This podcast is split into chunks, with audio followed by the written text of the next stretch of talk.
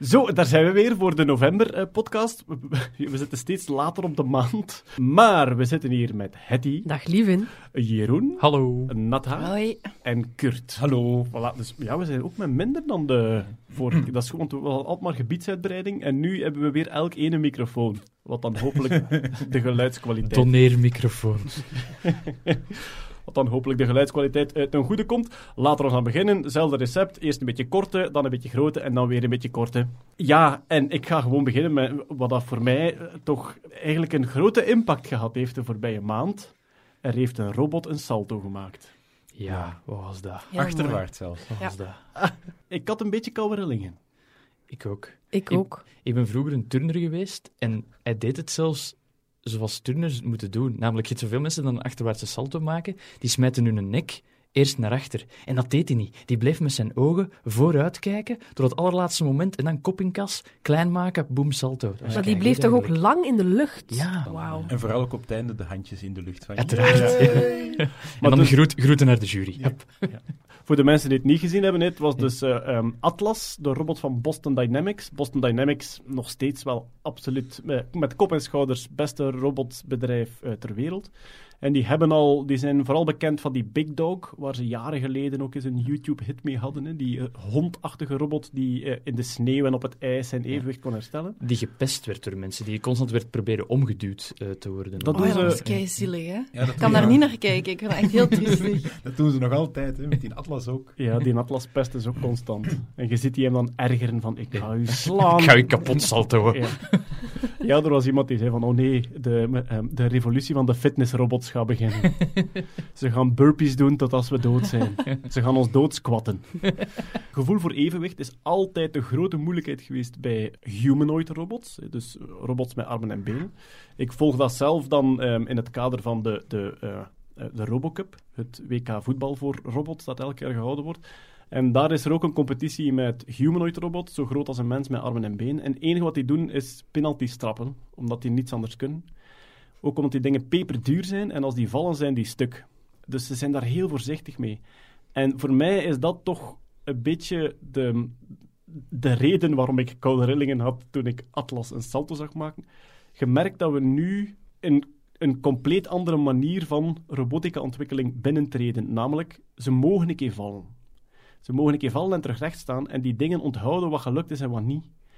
En dus als je nu 30 van die Atlas-robots bouwt en er is één die een achterwaartse salto kan maken, dan kan die dat gewoon uploaden naar al de rest. En misschien met een klein beetje verschil in gewichtsverdeling of zo. Maar ik heb het gevoel dat het nu begonnen is. Het is een soort singulariteit. Namelijk, ze kunnen nu trainen en oefenen en dat konden ze vroeger niet. En ook vroeger, als ik zei, in 2050 gaat er een team van robots de mensen verslaan in het voetbal, verklaart iedereen mij gek. En sinds dat filmpje zeggen ze, ja, lap. Als die nog 30 jaar kunnen trainen... Dat gaat er nog spectaculair uitzien ook. Mhm. Ja. Met salto's Dat is een, ja, dat is een overhead kick. Ja. Want dat is, dat is natuurlijk dat, dat trainen. Als je ene mens leert een salto te doen en je komt met een, een tweede mens, begin je opnieuw. Je koopt een tweede mens, Kurt. Ja. Nee, je komt bij een en je wilt een tweede mens een salto leren, dan moet je terug van nul beginnen. Terwijl Inderdaad. een tweede robot, die pakt inderdaad gewoon alle kennis en alles mee van die eerste. Ja. Dus dat gaat veel exponentiëler dan, dan de trainingen van, van de mensen. Dus als die ene goede voetballer maakt, ja, dan staan er ineens honderd of duizend. Hè. Dus het is niet de singularity van artificial intelligence, maar het is wel op een manier de singularity van hardware met evenwichtsgevoel. Plus als- kunnen zijn. Plus als een mens een vergissing maakt en op zijn nek gaat, dan kan die een internationale turncarrière langzaam maar zeker vergeten.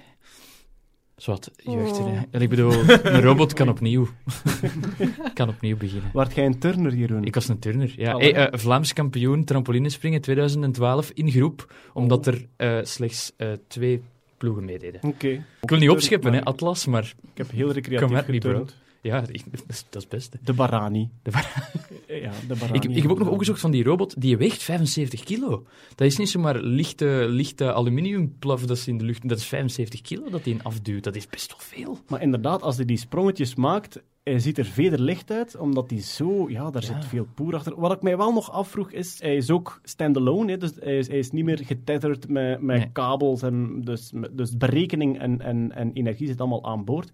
Ik vraag me af wat hij kan met één batterijlading. Eh, of dat hij vijf sprongetjes, een salto en dan terug twee uur aan de, aan de prijzen moet hangen, dat weet ik dus niet. Ik had nog gevraagd aan Bram van der Borgt. Die, kost er- die kon er helaas niet bij zijn, maar dat is ja, toch eh, altijd mijn go-to man als het over robotica gaat. Om eens te vragen wat hij ervan vond. hij was ook onder de indruk, alleszins. Zijn batterij gaat ongeveer een uur mee. Dat, is- Oké. dat staat bij normaal duty dingen, dus gewoon rondlopen is een uur. Dat is dus ja, een iPhone eigenlijk. Voilà, maar, die, ja. maar als, die, als, die een uurtje naar, eh, als die een uurtje naar de fitness gaat in mijn plek, dan is dat content. orde, ja. Inderdaad, kan die met een Fitbit aandoen. Kan ik zeggen. nu, doen we dat, 50.000 nu doen we dat rond onze cavia thuis, maar ik denk dat mijn lieve Tor heeft. Uw lief en de cavia, dat zijn verschillende... Ja, dat zijn verschillende...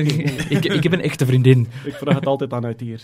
Ehm, ze hebben ook een, een nieuwe viervoeter gelanceerd, de Spot Mini, Ja. ook van Boston Dynamics. Eh, ja, Big Dog was zo de grote militaire robot die nooit echt doorgebroken is omdat hij een hels kabaal maakte, wat in militaire Dat was echt wel een luid, Ja. luid ding. Heb je dat filmpje gezien van, van die twee die gewoon zwarte broekkousen aangedaan hadden en in een kartonnen doos gekropen waren en dan zo al stappend over een Amerikaanse campus en iedereen dacht dat hij een Big Dog daar rondliep. Dat werd ook verkocht als van, die kan tien rugzakken dragen, diep in vijandig gebied.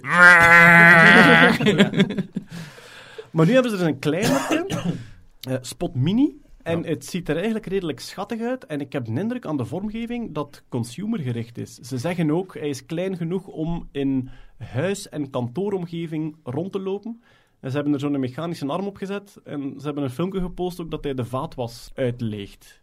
Wat dan na de fitness toch ook iets belangrijk is om... Ja, zo pintjes gaan pakken uit de frigo. Zo. Maar dat kan niet, dus effectief. Ja. Ja. Goed, of dat, dat dan ooit echt eh, een consumer-model wordt. Want dat is een andere competitie op de Robocup, is de, de huishoudrobots. Dus die ons moeten bedienen en helpen in het huishouden. Misschien is dat daar ook een, eh, een doorbraak. Maar ja, dat is de bedenking bij Boston Dynamics toch altijd. Die tonen fantastische filmpjes. Waarom? Ik heb nog nooit een toepassing gezien, ja. Of ja, enkel sprake van een toepassing. Mm. Ja. Langs de andere kant, uw investeerders zwijgen wel als ze zeggen, waarom? Hij maakt een salto. Oké, hier, hier is nog wat meer geld.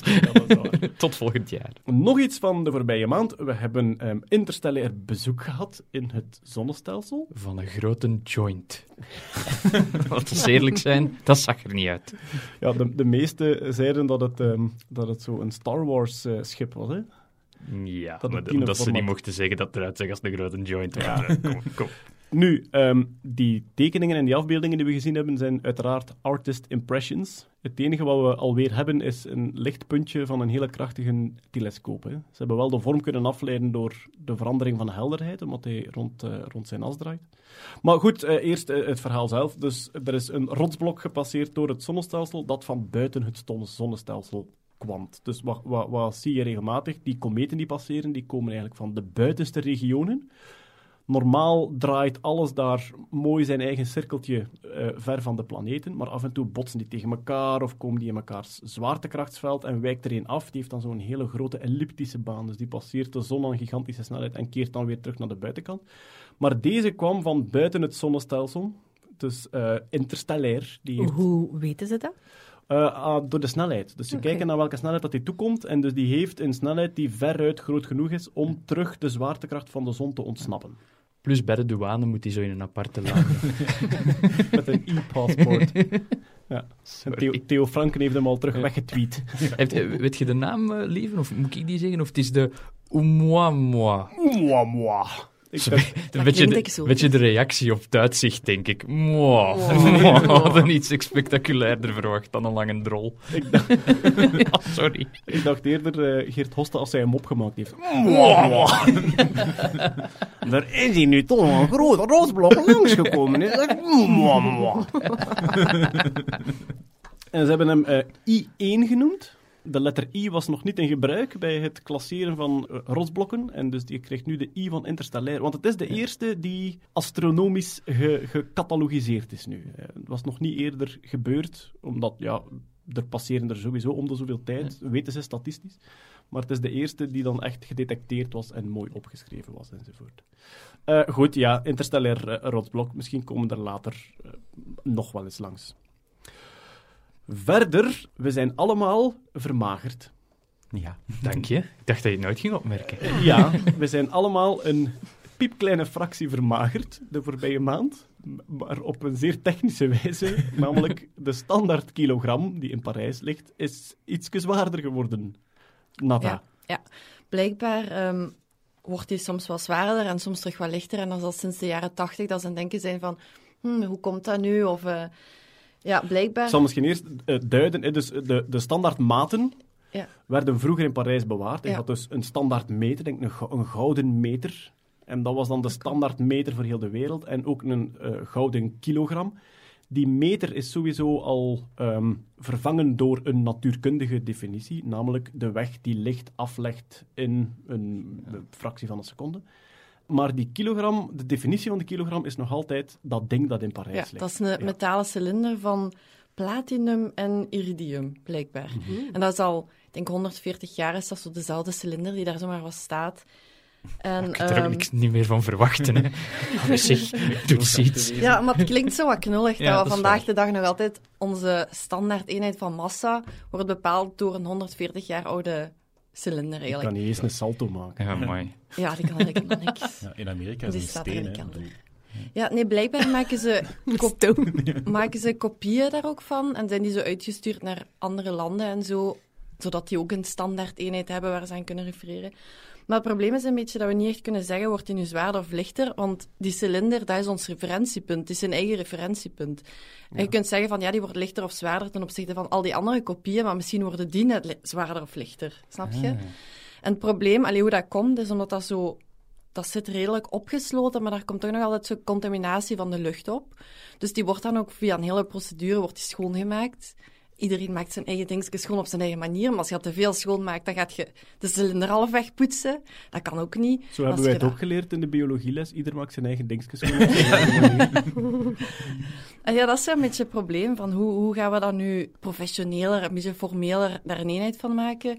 Want dat is een man-made object eigenlijk. En dat werkt eigenlijk niet meer, dus gaan wetenschappers nu op zoek gaan. Ik denk, binnen een jaar of twee jaar wouden ze dat kunnen afleiden van een andere natuurconstante.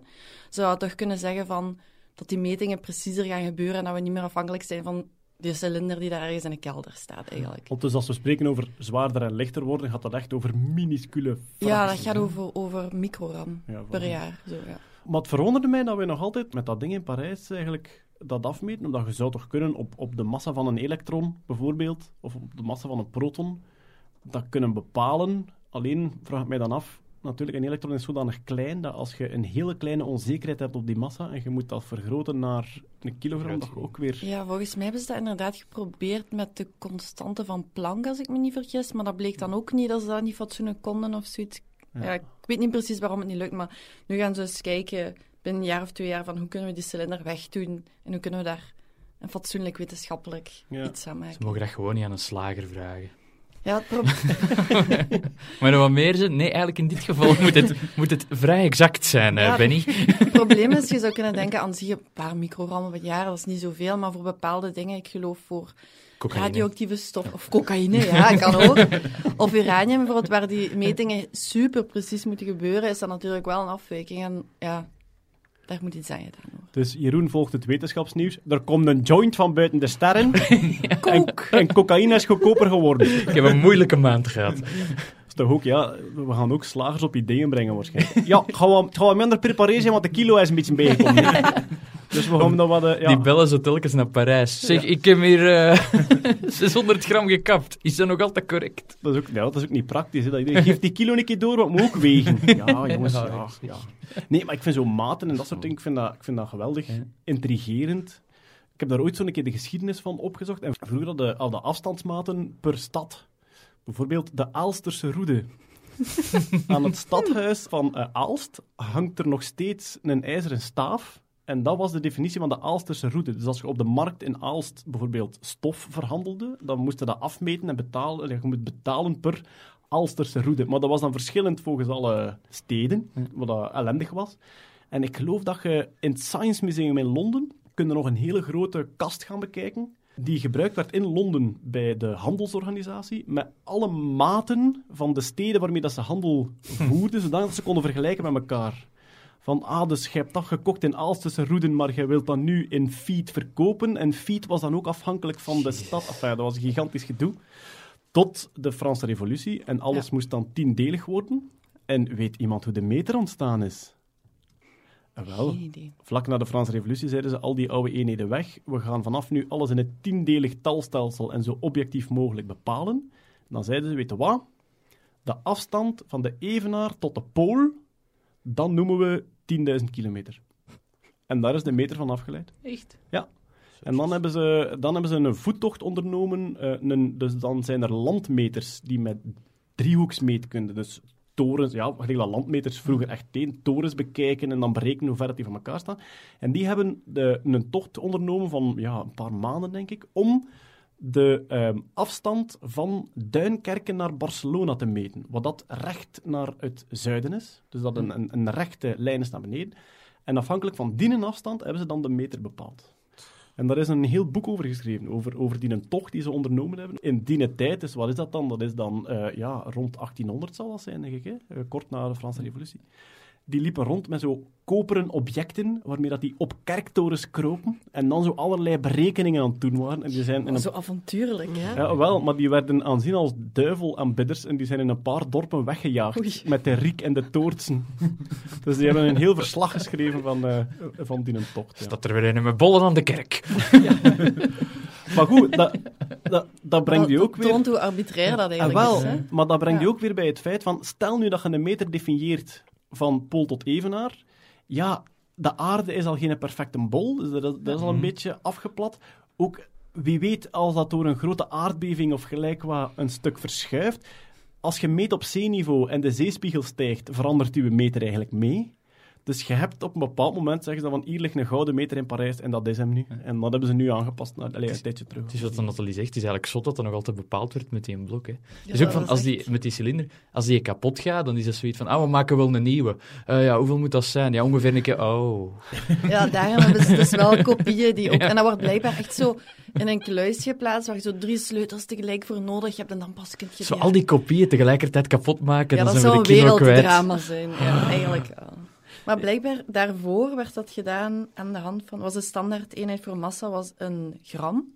En dat werd bepaald aan de hand van een kubieke centimeter water. Ja. En toen kwamen ze erachter, ah, maar water verdampt eigenlijk wel, dus dat is niet zo heel handig. Ja, maar hoe, je, je kunt, als je een definitie van een centimeter hebt, kun je altijd opnieuw een kubieke centimeter water maken. De Ja. vraag is, temperatuur heeft invloed op de Ja, dichtheid. ja. Samenstelling van je water, zit daar meer zwaar water in of gelijk water? Dus dat is ook geen werkbare, geen werkbare definitie. Enfin, ja. Goed, ja, we zijn dus allemaal een beetje technisch vermagerd in, in het microgrammenorde, maar hopelijk komt er dan binnenkort een natuurkundige eh, definitie. Dan heb je de Franse niet meer nodig en dat is altijd een voordeel, eh, denk ik dan. Volgend nieuwsje. Er was een update van het operating system van, eh, eh, van de Mac. Ja. En daar, ja, ik ging zeggen, daar zat een foutje in, maar daar zat zo'n beetje een gigantische kraterfout in. Ja, Ongeveer. ja, absoluut. Een security fout. is ondertussen wel gefixt. eh, en er was ook een heel simpele workaround. Maar eigenlijk bij de laatste update, bij High Sierra, ehm, hadden ze vergeten om te, te tegen te houden dat mensen inlogden zonder een wachtwoord in te geven. En specifiek voor de account die eigenlijk niemand gebruikte, met dat in uw systeem eigenlijk alle rechten heeft. Die De root, de root Ja. Telkens als Ehm, je root leest, moet je dat vervangen door God. Root Ja. op een systeem is God. Dat is Oké. beetje de... de Ja, dat die mag alles. Dus de nieuwe rootpiet, dat is echt... De Godpiet, Ja. ja. ja, oké. Ja, voilà. En dus eigenlijk kon je inloggen met root zonder een wachtwoord in te geven. En ehm, in alle security lessen is dat les 1, namelijk altijd checken dat mensen geen leeg wachtwoord ingeven. Dus dat is een beetje heel raar en eigenlijk een heel stevige blamage voor Apple dat dat door al hun security controls geraakt is en dat ze dat uitgerold hebben. En dus concreet, eh, mensen die dan deze maand eh geüpdate waren naar nieuwe versie van het operating system, als je die hun laptop vastnam Ja. en die vroeg eh gebruikersnaam en wachtwoord, kon je gewoon op elke computer Op elke root computer als je, bij als je- als je gebruikersnaam had, ja. een leeg wachtwoord en je zat binnen met Ja. alle rechten. Heb je het getest, Kurt? Ik heb het getest, ja. Op welke computer? Op mijn eigen. Ik ben braaf geweest. Ingebroken bij jezelf. Ja. En heb je temporary internetfiles gecheckt? Ja. Wat een zeg. Ja, ik zeg. Die een roetgod. Mm, Nee, maar toch, inderdaad, het eerste was natuurlijk dat je fysieke toegang nodig had tot, eh, tot die computer om dat te kunnen doen. Maar een virus kan dat ook hebben natuurlijk. Dus dat is het grote probleem. Is als je dan een malware script hebt die sudo-gewijs... hè, Het andere commando is eigenlijk als je, ja, als ja. je geen... ehm, ge- ah, als je geen administratorrechten hebt, kun je via een Linux of, of via een, eh, op een Macintosh-systeem, kun je via sudo die rechten tijdelijk aanvragen. Tijdelijk God. Ja, tijdelijk god, hè, sudo. Een superuser is dat dan. Ja. Ehm, maar als jij dan geen wachtwoord moet ingeven, dan kun je eigenlijk gewoon een script schrijven dat die sudo-rechten aanvraagt en hop, heel je computer om zeep helpt. Dus Ja. eigenlijk was dat, is dat een, een heel groot lek in, Maar- in Apple. Het is snel gefixt. Is de fix echt keihard gepusht? Of zijn Ja. er mensen die, die het nog kunnen vergeten zijn? Dat is dan wel het verschil en dat is dan wel het, het toffe aan, aan Apple, is dat zij hadden dat eigenlijk al op voorhand ingebouwd, sinds een aantal versies, dat ze eigenlijk heel hotfixes kunnen pushen. Die je bij wijze van spreken, als je bij Windows doet dat ook, alleen duurt dat dan drie uur om je computer te updaten.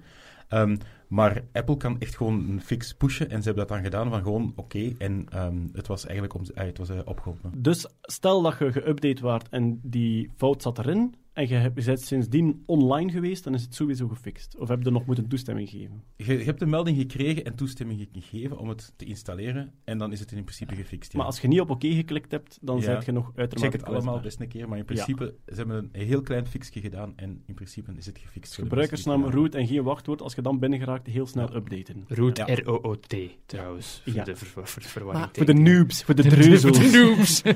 Het spijtige eraan is dat de persoon dat het ontdekt heeft, heeft het eigenlijk gewoon op Twitter gegooid. Terwijl dat er eigenlijk programma's zijn, bug bounty programs, waarbij dat eigenlijk eh, white hat hackers dan, zoals de Ja, security engineers, eigenlijk alle grote bedrijven hebben een, een policy van, hey, als je iets vindt van een security issue in ons systeem, meld het ons, geheim. We geven u geld daarvoor, zodat wij het kunnen fixen voordat het publiek bekend wordt. En deze slimme kerel had het gewoon, hey, ik heb iets gevonden, en heeft het op Twitter gezet. En dat heeft ook heel veel reacties losgekregen van, hey dude, wat doe jij nu? Ja. Dat is wel super belangrijk dat je dat even meldt aan is Apple. Via... Te zot om waar te zijn. Allee, Ja, bedoel, voilà. ik zou ja- het zelf ook niet geloven. Ik zou zelfs zoiets Ja. hebben van, deze wel... Het is Ja. snel gecheckt natuurlijk. Hè. Ja. Ja. Ja, wel. Ja. Maar is er ook effectief misbruik? Dat weten we Geweest? natuurlijk niet, maar ik denk dat, dat er een aantal mensen wel stiekem snel zo... Ik ga even een computer van de buurman of van de baas of zo. Ja, maar ik heb nog niets gevonden van meldingen die zeiden van hij is gebruikt bij mij. Want stel dat je nu echt schade oploopt, Ja. zou, je niet, zou je niet kunnen Apple aanklagen daarop? Ik denk dat in hun gebruiksvoorwaarden staat dat ze niet aangeklaagd kunnen worden daarvoor. Oké. In de gebruikersvoorwaarden van iTunes staat expliciet dat je het niet mocht gebruiken voor nucleaire installaties. Dus Ja. die dekken zich wel tegen heel veel in. The American Way. Ja. ja. Goed, er is een nieuwe holte ontdekt in de piramide van Cheops. Enfin, ontdekt, dus er zijn zeer sterke aanwijzingen dat er buiten de grote kamers die ze al hebben, hè, wat die dan leiden tot de grafkamers van de eh faraoi, faraï, Eh, ja, laat maar, Ehm, zou er nu een nieuwe holte ontdekt zijn, maar eh, ja, vooral de methodiek vind ik geweldig. Namelijk, het is een, ja, je zou het kunnen vergelijken met röntgenstraling. Dus we sturen er straling door en we meten aan de andere kant hoeveel straling er doorkomt. En als er meer of minder tegengehouden wordt, weten we dat er een holte is. Alleen, het is redelijk moeilijk om zo een piramide in zijn geheel naar het ziekenhuis te brengen en in een röntgenmachine te stoppen. Dus wat hebben ze gedaan? Ze hebben gewoon gebruik gemaakt van de kosmische straling die sowieso overal op neervalt. Dus ze hebben in alle, zowel naast als in die piramide, hebben ze apparaten gelegd die gevoelig zijn aan muonstraling, dus muonen. Eh, muonen worden gecreëerd in onze atmosfeer door kosmische straling die keihard tegen de atmosfeer botst en daar allerlei kettingreacties veroorzaakt.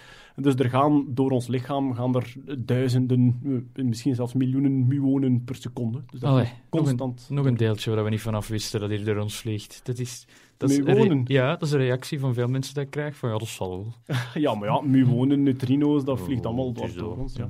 En dus ja, eh, dan hebben ze dat gebruikt als röntgenstraling. En ze hebben dan gezien van eh, uit bepaalde richtingen komen er meer muonen dan uit andere. En dat kan enkel, maar ja, die muonen worden door die stenen ook voor een stuk tegengehouden. En dus hebben ze echt ehm, met zeer grote waarschijnlijkheid kunnen zeggen: van, kijk, daar zit nog een holte. Ik weet niet wat de plannen nu zijn. want Ja, hebben ze dat geconfirmeerd? Zijn ze binnen geweest? Of, eh? Nee, want ze weten de ingang niet. Het, is, Ja. het zit echt gewoon massief midden in die piramide. En ze weten dus niet waar dat de schachten zijn die daar naartoe Was, leiden. was, die, was dat muon-gedoe, was dat echt de gemakkelijkste manier om dat te doen? Je zou denken dat je met een op radiogolven toch ook ver Ja. geraakt. Ja, eh, wel, maar ik weet ook niet of dat ze op zoek waren naar zo'n holte. Ik denk eerder dat ze de structuur van die piramide aan het bepalen waren en dat dat eigenlijk eerder een, een zeer aangename verrassing was dan dat ze dachten, we gaan daar iets vinden. Zo een piramide combineren met kosmische straling, dat klinkt als het begin van zo'n een of andere B-film, waarin dat je een Heerlijk, mummie terug tot leven... Ja, Ja, ja.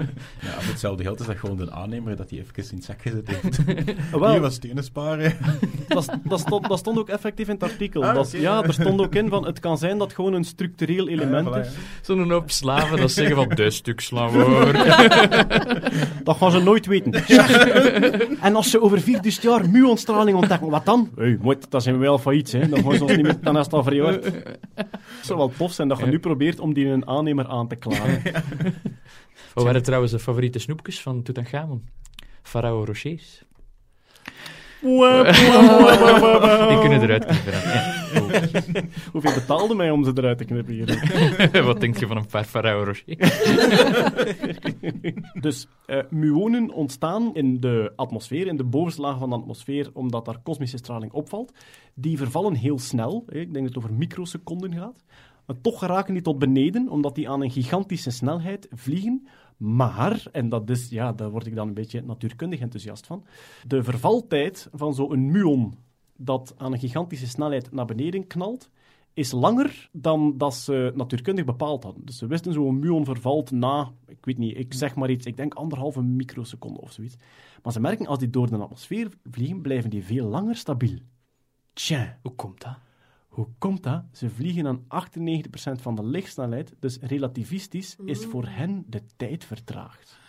En dat is een van de bewijzen van de relativiteitstheorie, dat je aan die snelheid, dat de tijd trager gaat. Het concept tijd zelf. Dus je zit niet alleen met kosmische straling en piramiden, maar ook nog met een beetje relativiteit bij. Dus ik denk dat er weer een paar zotten gaan opvliegen Oh, die er van alles in gaan zoeken. Dus we zijn lichter geworden, de tijd gaat trager. Het is een zotte aflevering. Nog één kort nieuwsje voordat we de grote aanvallen. Er zou, en af en toe hebben we een heel expliciete zou ook, hè, als we het overlopen, er zou een hoofd getransplanteerd zijn. Natuurlijk, de publication bias is immens. Als je zegt, eerst de hoofd getransplanteerd, maar de soep wordt niet zo heet gegeten als ze geschonken wordt. En laat ons zeggen dat het toch eerder op een gazpacho dreigt eh, uit te draaien.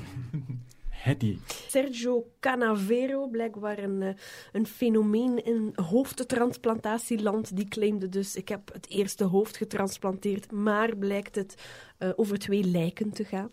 Nou, zo kan ik het ook. Ja, inderdaad. Twee, lijk- Ehm. twee lijken een beetje tax 7 Ja, en eh wel, hoppa, eh. wereldnieuws. Voilà, ja, maar nee, nagel op de kop, dat is ook wat dan als tegengas gegeven werd van, ja, het is niet omdat hij twee stukken van een auto aan elkaar zet, van twee verschillende auto's dan, dat als je de sleutel in stopcontact steekt, dat, dat die auto gaat rijden. Hè. Er is toch veel meer werk eh, van het verbinden van zenuwen en hersenen en bewustzijn enzovoort. Dus het is een man die een beetje... Het is ook niet gepubliceerd, denk ik. Hmm. Eh, hij is een beetje ja, hard van stapel aan het lopen. Niemand weet echt goed wat eh, Canavero van plan is of wil bewijzen. Het of- hoofd was dood, het, lichaam was dood en ze plakten aan elkaar, ze waren nog steeds dood. Ja. Een mislukte Frankenstein eigenlijk. Ja. Ja. Maar het is die een dokter die duikt regelmatig op. Het is Ja. een beetje zo de, de semi-kwakzalver Ja, van ja, de... eh, ja.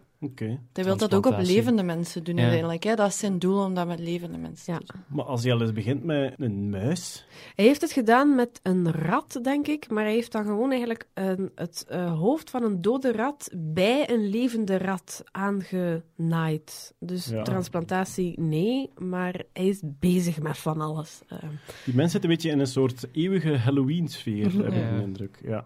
Ah ja, er zijn foto's op het internet van dus een, een rat waar een ander hoofd opgenaaid is. En er is dan ook doorbloeding of zoiets, denk ik. Maar dat bovenste hoofd blijft dan wel dood, neem ik aan. Ja. Dat is wel een beetje gruwelijk. Ja. Precies dat hij een muts op heeft. Wat moeten de mensen googlen, Jeroen, om dat te vinden? Eh, eh, het Wired-artikel over Canavero. Of, ja, Canavero. met een C is dat, hè? Ja. Met een C. Met de C van charlatan.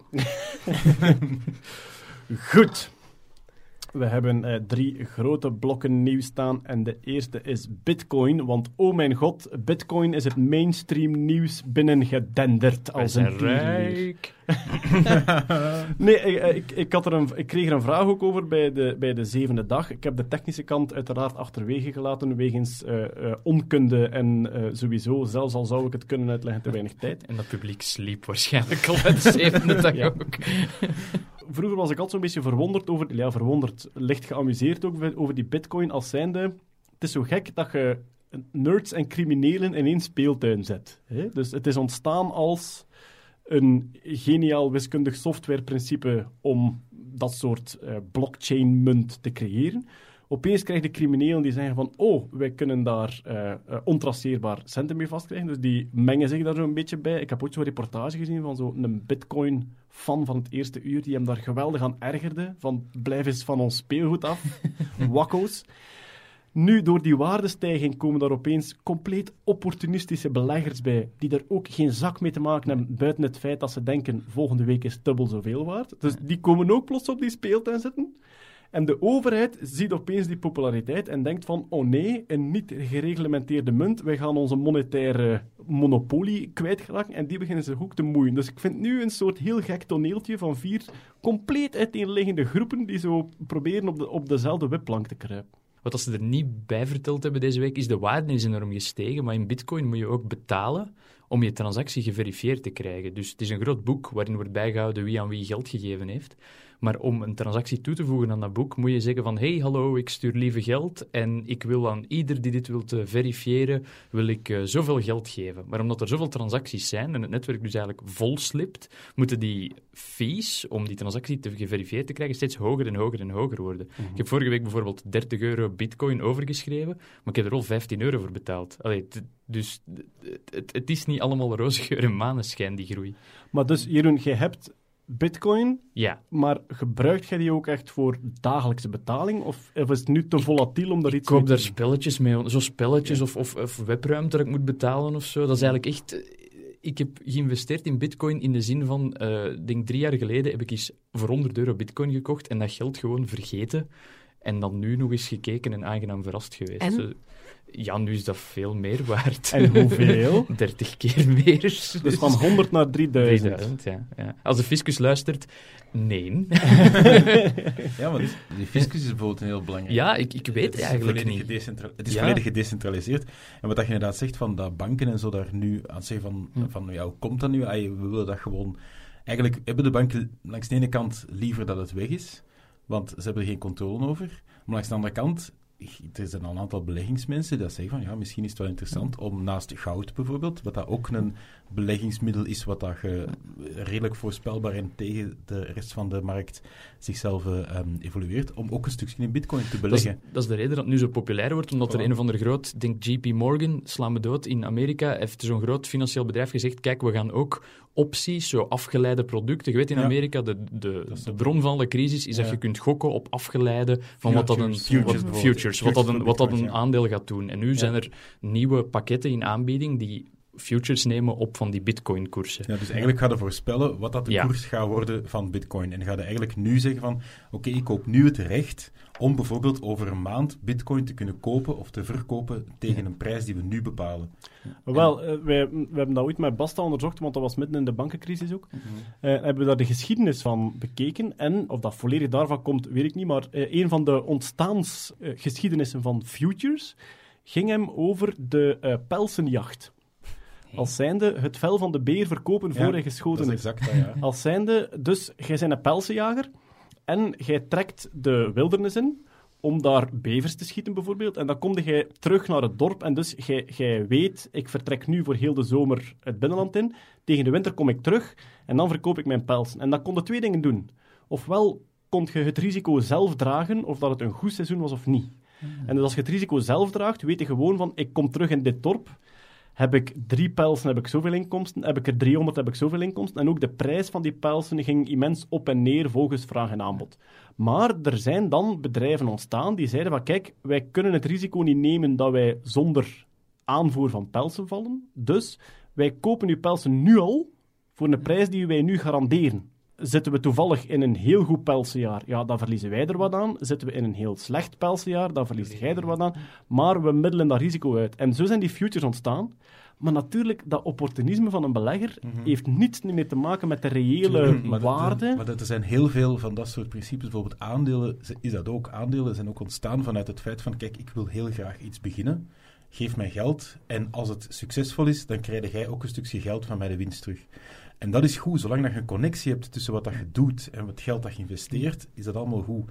Maar als je dan die aandelen op zich gaat verhandelen en gaat speculeren en aandelen nemen gaat kopen en eigenlijk volledig een knip maakt met wat daar dat aandeel voor staat, dan zit je in een heel speculatieve markt. En dan krijg je inderdaad crisissen, want die dingen Gelijk de, huizen, de huizenmarkt. Voilà, de, huizenmarkt ook, de huizenmarkt ook. De, de crisis van de huizenmarkt is ontstaan door het feit dat eigenlijk hypotheekleningen verhandeld werden op basis van het risico dat ze terugbetaald zouden worden of niet. Maar ja, het, het komt um, op een bepaald moment komt het zodanig los van de, van de effectieve pels die je koopt of niet, dat het echt een weddenschap wordt. Om een duur is het gewoon, ik durf te wedden dat het een slecht pelsenjaar wordt. En dan mhm. komt het daarop neer. Maar bij die bitcoin, dus je hebt die waardestijging, is die momenteel enkel vraag en aanbod? Dus is het gewoon van veel mensen willen het, dus het stijgt? Of vinden jullie dat er ook een reële waardecreatie is door dat nieuw systeem? Nee, het, is, het is puur vraag en aanbod wat er nu is, volgens mij. Het is echt, de populariteit, zoals je in het begin gezegd hebt, stijgt enorm. En het toffe aan bitcoin, aan, aan het systeem zelf, is dat de groei van het aanbod aan bitcoins ligt heel hard vast.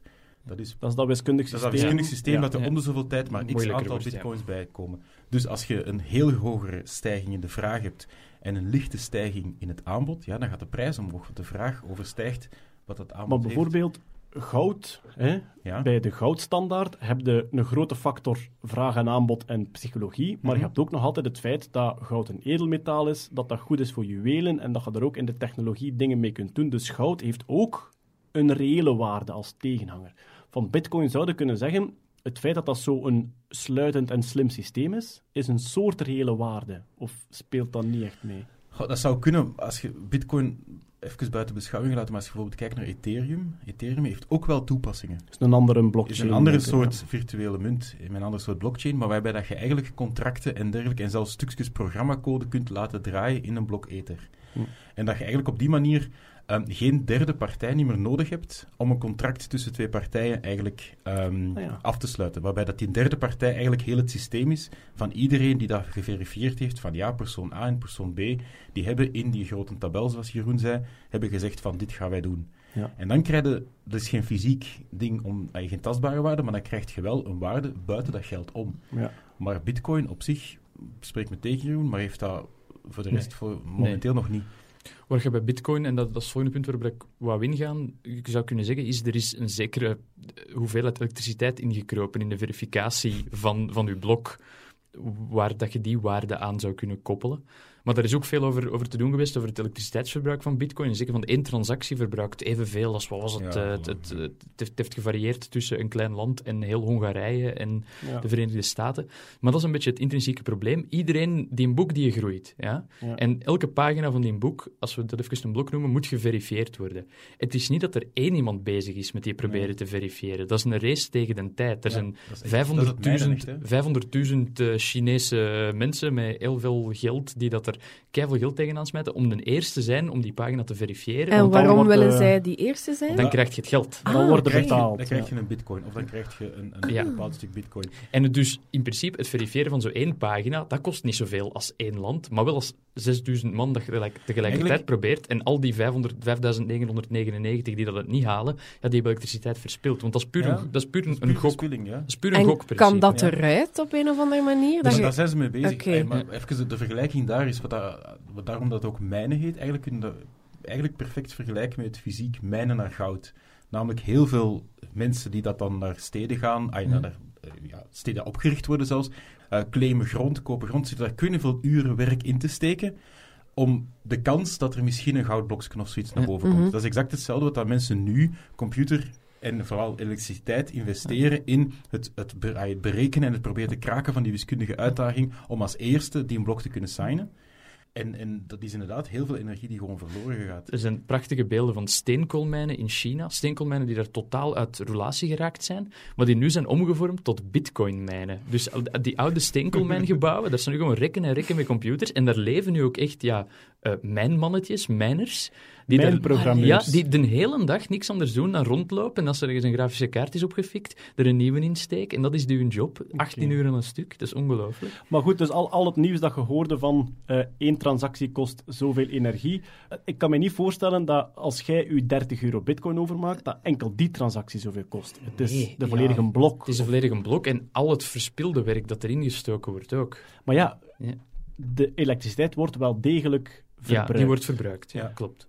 Oké, dus als we morgen zeggen ehm, bitcoin stopt, iedereen terug gewone centen, dan besparen we het elektriciteitsverbruik van ongeveer Hongarije.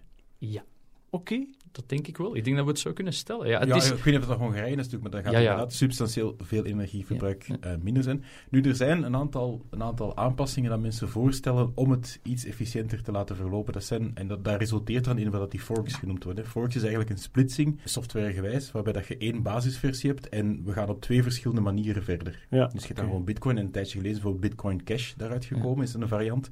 En het gaat dan vooral om, over twee facetten. Probeer het een beetje te doen. Ik heb er Ja. ook niet alles van gelezen, maar zo wel een beetje. Eh, het ene gaat over de block size. Namelijk, x aantal transacties moeten geverifieerd worden en dan krijg je die race naar om het te tekenen. Ja. Dus De grootte van de pagina ja, in uw de grootte in van de pagina boek. in uw boek. Ja. Dus zeggen een aantal mensen van, kijk, als we die pagina nu vergroten, dan moeten we minder gaan berekenen. Dus we berekenen maar per drie pagina's. Bijvoorbeeld, ja, bijvoorbeeld, zoiets. ja. Daar, dat is een, een van de discussiepunten waarover het gaat. En het tweede is iets... ehm, ja, en dat eerste zijn mensen wel voor en tegenstanders wel redelijk duidelijk. Dat tweede is, eh, je hebt een, langs de ene kant een proof of work. Namelijk, dat is het, eigenlijk het feit van, kijk, ik heb de code gevonden om te tekenen. Ik heb het proof of work, dus ik krijg die in bitcoin.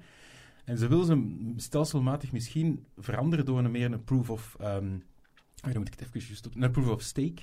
Waarbij dat je eigenlijk niet iedereen laat rekenen naar het tekenen van zo'n pagina.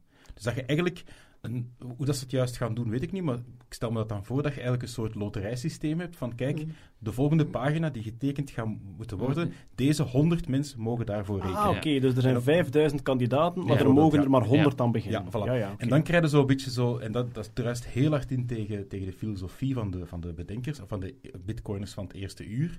Want die zeggen van, ja, maar het is wel een heel democratisch systeem, iedereen kan meedoen, en nu gaat het dat eigenlijk een beetje aan banden leggen. Ja, maar en dat is een moet beetje de ook, discussie eh, dat er daar is Je moet natuurlijk. ook altijd opletten dat je, geen- dat je geen religie wordt, namelijk dat Mm. de regels die oorspronkelijk gemaakt zijn voilà. in andere omstandigheden. Ja. Maar ik dacht inderdaad dat die proof of work dat dat een inherent deel was van die bitcoin. Ja, dat blijft. zo- Dus dat ja, dat ja. zo... Dus dat blijft wel, en ja, dat is een beetje door de filosofische, godsdienstige misschien, zoals Lieve het zegt. Ehm, maar het zou, ja, het zou natuurlijk wel heel dat energieverbruik naar beneden kunnen En dat halen. rekenen, hoe, hoe moet ik mij dat concreet voorstellen? Het kraken Dat is een code Maar oh, zijn dat die- programmeurs die in Python aan het programmeren zijn? Of is dat iets dat je laat draaien? Of Dat is dat... je laat draaien, Oké. ja. dus- Laat- maar En doen ons- jullie dat ook? Ik doe dat niet. Nee. En jij, Jeroen? Ik heb dat een tijd gedaan toen dat het nog kon op een normale computer. wel ja, want Ah, dus in, de, in de ontstaansgeschiedenis, toen bitcoin echt nog het speelterrein van de nerds was en een paar criminelen, die je verder niet tegenkwam. Ehm, dus, want ik vind die boekanalogie wel goed. Hè? Dus Ja. op een bepaald moment, je hebt u een boek met, u, met, met al uw transacties in. Ja. Op een bepaald moment is uw bladzijde vol. Ja. En om dan te zorgen dat niet iedereen zomaar kan bijschrijven wat hij wil, gaat iedereen die daar tijd in wil steken en kans wil maken op die betaling, gaat een zeer ingenieuze wiskundige berekening maken op al die transacties, Ja. waaruit dat één en dezelfde code moet uitkomen. Ja. En pas dan weet iedereen, Ja. het klopt allemaal. Een code, een code die moeilijk te berekenen is, maar gemakkelijk te verifiëren. Dus het is een Ja. code waar je heel veel rekenwerk in moet steken, wat dat puur gokwerk is. Eh hashes raden, dat noemen ze ook de hashrate. Puur hashes raden. Maar nadat ze gevonden is, kan iedereen gemakkelijk checken van oké, dat en die pagina, dat klopt. En als je iets in die pagina zou veranderen, achteraf, wat geld verdoezelen of zo, dan klopt die pagina niet meer. Ja. Of in de vorige pagina's. Vandaar de blockchain. Het is een lange lijst van... En dat is, het, dat is het geniale aan die publicatie van de onbekende Japanse ingenieur. Ja, eh, Satoshi Nakamoto. En dat was, dat was het geniale, het dat geniale dat algoritme gevonden Ja, het geniale was dat algoritme, dat is dan puur het wiskundige. Het- Wat dat er het geniale daarnaast was, is dat je, geen, dat je niet meer afhankelijk bent van één controlerende centrale macht om het boek bij te houden, maar dat je dat boek eigenlijk perfect verspreidt over iedereen dat dat boek op zijn computer wilt hebben. En iedereen kan verifiëren van, hé, dat maar klopt dat is wel, dus die proof niet. of work dan. Die dat proof zit of daar work- eigenlijk in. Ja, die proof of work is het feit dat je bewezen hebt van, kijk, ik heb de code gevonden voor deze Ja. pagina te tekenen. En dus vroeger konden nog gewoon thuis uw pc laten meedraaien om, al, een keer dat die pagina vol was, en Ja. ze, is dat dan een soort publieke oproep van, jongens, de pagina is vol, iedereen Ja. die wil mag berekenen? iedereen die wil mag berekenen, dan kunnen we eraan beginnen. Ehm, maar je moet ook weten dat bitcoin, omdat er maar om de zoveel eh, seconden, eh, eh, om de 10 minuten of zo, een bitcoin, een, een blok mag gemined worden, wordt het de manier om de pagina te verifiëren steeds moeilijker en moeilijker en moeilijker. Dat is wiskundige achtergrond. En dus Ja. vroeger is dat gemakkelijk begonnen. Ja. En toen, ik, ik weet in 2007 zat ik aan de UNIF en Pieter Wuilen, de grote Pieter Wuilen, een van mijn persoonlijke helden, als je luistert Pieter, die is bij Google gaan werken toen en dan heeft hij zijn eigen bitcoinbedrijf opgericht. Die was in 2007 al bezig met bitcoins te minen. Ik wil niet weten wat het is een persoonlijke maar toen was dat spielerij voor, voor wiskundigen. Pieter was toen heel erg geïnteresseerd in cryptografie, in wiskundige dingen. Niemand zag toen van, oké, ja, virtueel geld, je kon daar ook niks mee kopen. Dat was letterlijk een cryptografisch vraagstukje. Voilà, en, en dus die zijn toen opgesprongen. van de- voilà, Een van de groepen op de speeltuin. Een van de groepen op de speeltuin, dat klopt. Er was, was enthousiast, nog niks om te doen. Maar goed, nu, nu, nu dat het eigenlijk echt wel voor een groot stuk in handen is van de economen en de speculanten. Venture capitalists. Ja. Ja, hoe, hoe groot is dat bubbelrisico nu? Want op, er is toch een moment dat je... Enfin, op zich is dat ook self-fulfilling bij aandelen. En een keer dat ze naar beneden duiken, denkt iedereen, ik moet nu verkopen, want ze gaan verder duiken. Ja. En dus de self-fulfilling dat nu omhoog gaat, kan ook weer naar beneden gaan. Of zie je dat niet gebeuren? Ja, zie dat wel gebeuren, maar Ja, ik- Alleen, het is, eh, dat dat gaat gebeuren is, is, is redelijk waarschijnlijk. De vraag is wanneer. Hè. Ja. Dat, dat, dat, dat voorspellen is altijd het moeilijkste. volgens, volgens John McAfee, de crazy, de crazy maker van McAfee Antivirus, die mensen vermoord heeft in Belize trouwens, een zeer leuke documentaire, die is totaal crazy en loco geworden. Cocaïne onder andere, vandaar ben ik een beetje onder de invloed. Gaat het naar 1 miljoen gaan? 1 miljoen. 1 miljoen. Ja, nu hoorde af en toe eh, het bedrag 25.000 dollar Ja. vallen. Want- maar Trouwens, eh, sorry, even, maar die McAfee die ging zijn piemel opeten als het niet zou zijn. Hè? Ja, die Oh, ging zijn oké. film opeten als het niet zou heeft zijn. een Dus. tweet gedaan waarbij Oké. hij zei, als het bitcoin dat bedrag niet behaalt tegen die en datum, dan tegen die en datum dan ook Eh, nog. Ja, ja. binnen drie jaar 500k. En het is op 17 juli dit jaar gepost. Dus ja, 500.000, 500.000. dat is een half miljoen. Ja. Ja, Ja. oké. En we zitten nu aan wat is het, 16.000 dollar. is? Zoiets. We hebben een nieuw hoofdstukje, hè? Ja. de piemel van De McAfee. piemel van John McAfee. Ja, hoe is het Is nog het mijn met virus? de piemel van- dat zou toch echt een soort eh, poëtisch verhaal zijn dat die mens sterft aan een virus? Nee? Goh, ja, we gaan zien. Gemakkelijk, omdat hem zijn licentie met een dokter niet geüpdate heeft. Bitcoins. Bitcoins. Ze blijven in het mainstream nieuws. Het is, het is toch altijd zo'n beetje blij schrikken, hè? Ja. Als, als het nerdnieuws mainstream wordt. En zo de, de mengeling van fascinatie en totale verwarring die dan zo bij journalisten bovenkomt. Ik heb ooit in de afspraak gezeten met John Crombé en dan ging het over bitcoin gaan, maar juist die avond stierf Prins. En dan hebben ze dat er toch nog proberen in te foefelen, zo de laatste vijf minuten. Ja, Prins is dood, Sir Simonaar zit hier te blijten, maar bon, we gaan nog vijf minuten over iets hebben dat we niet kunnen uitgelegd krijgen in vijf minuten. En Sir Simonaar, ik heb ooit samen met Bitcoin piano gespeeld. Ergens op een afterparty. Een afterparty in Berlijn. Goed, we gaan naar de biologie. Ah. Want eh, er is altijd CRISPR-nieuws. En er is ook telkens weer meer CRISPR-nieuws. En het wordt ook altijd maar spannender. Ja. Ehm, ik, ga, ik ga beginnen gewoon met het videootje. Hè, want de, ik, ik vond dat echt wel al... Allee, daar heb ik echt al met open mond naar zitten kijken. Er is dus een filmpje van het CRISPR-eiwit, dus het Cas9-eiwit, dat in DNA knipt. Ja. Want dat is toch waanzinnig dat je iets zo Ja. minuscuul klein in bewegend beeld Ja, vastkrijgt. dat is ook echt de waanzin, vind ik daarvan. Maar jij hebt het gezien en jij Ja. ziet wat er gebeurt. Want ik kreeg op Twitter, ik had het gepost op Twitter, nogal wat reacties van ja, ik zie ik niks, zie ik daar wat, wat dingen bewegen en... eh, Oh, Wel, oké. maar dus ehm, om terug te gaan naar de eh, buitenaardse bezoeker aan ons zonnestelsel. Mhm. Dat is een lichtpuntje dat varieert in sterkte, waaruit de astronomen een hele hoop dingen en structuren en draagsnelheden kunnen afleiden. Ehm, maar in de krant gaan ze een mooie tekening zetten van eh, een, een tekenaar, dus een artist impression. Bij dat CRISPR-ding is het hetzelfde. Het is heel gepixeleerd, het is een beetje beige op een zwarte achtergrond. Ja.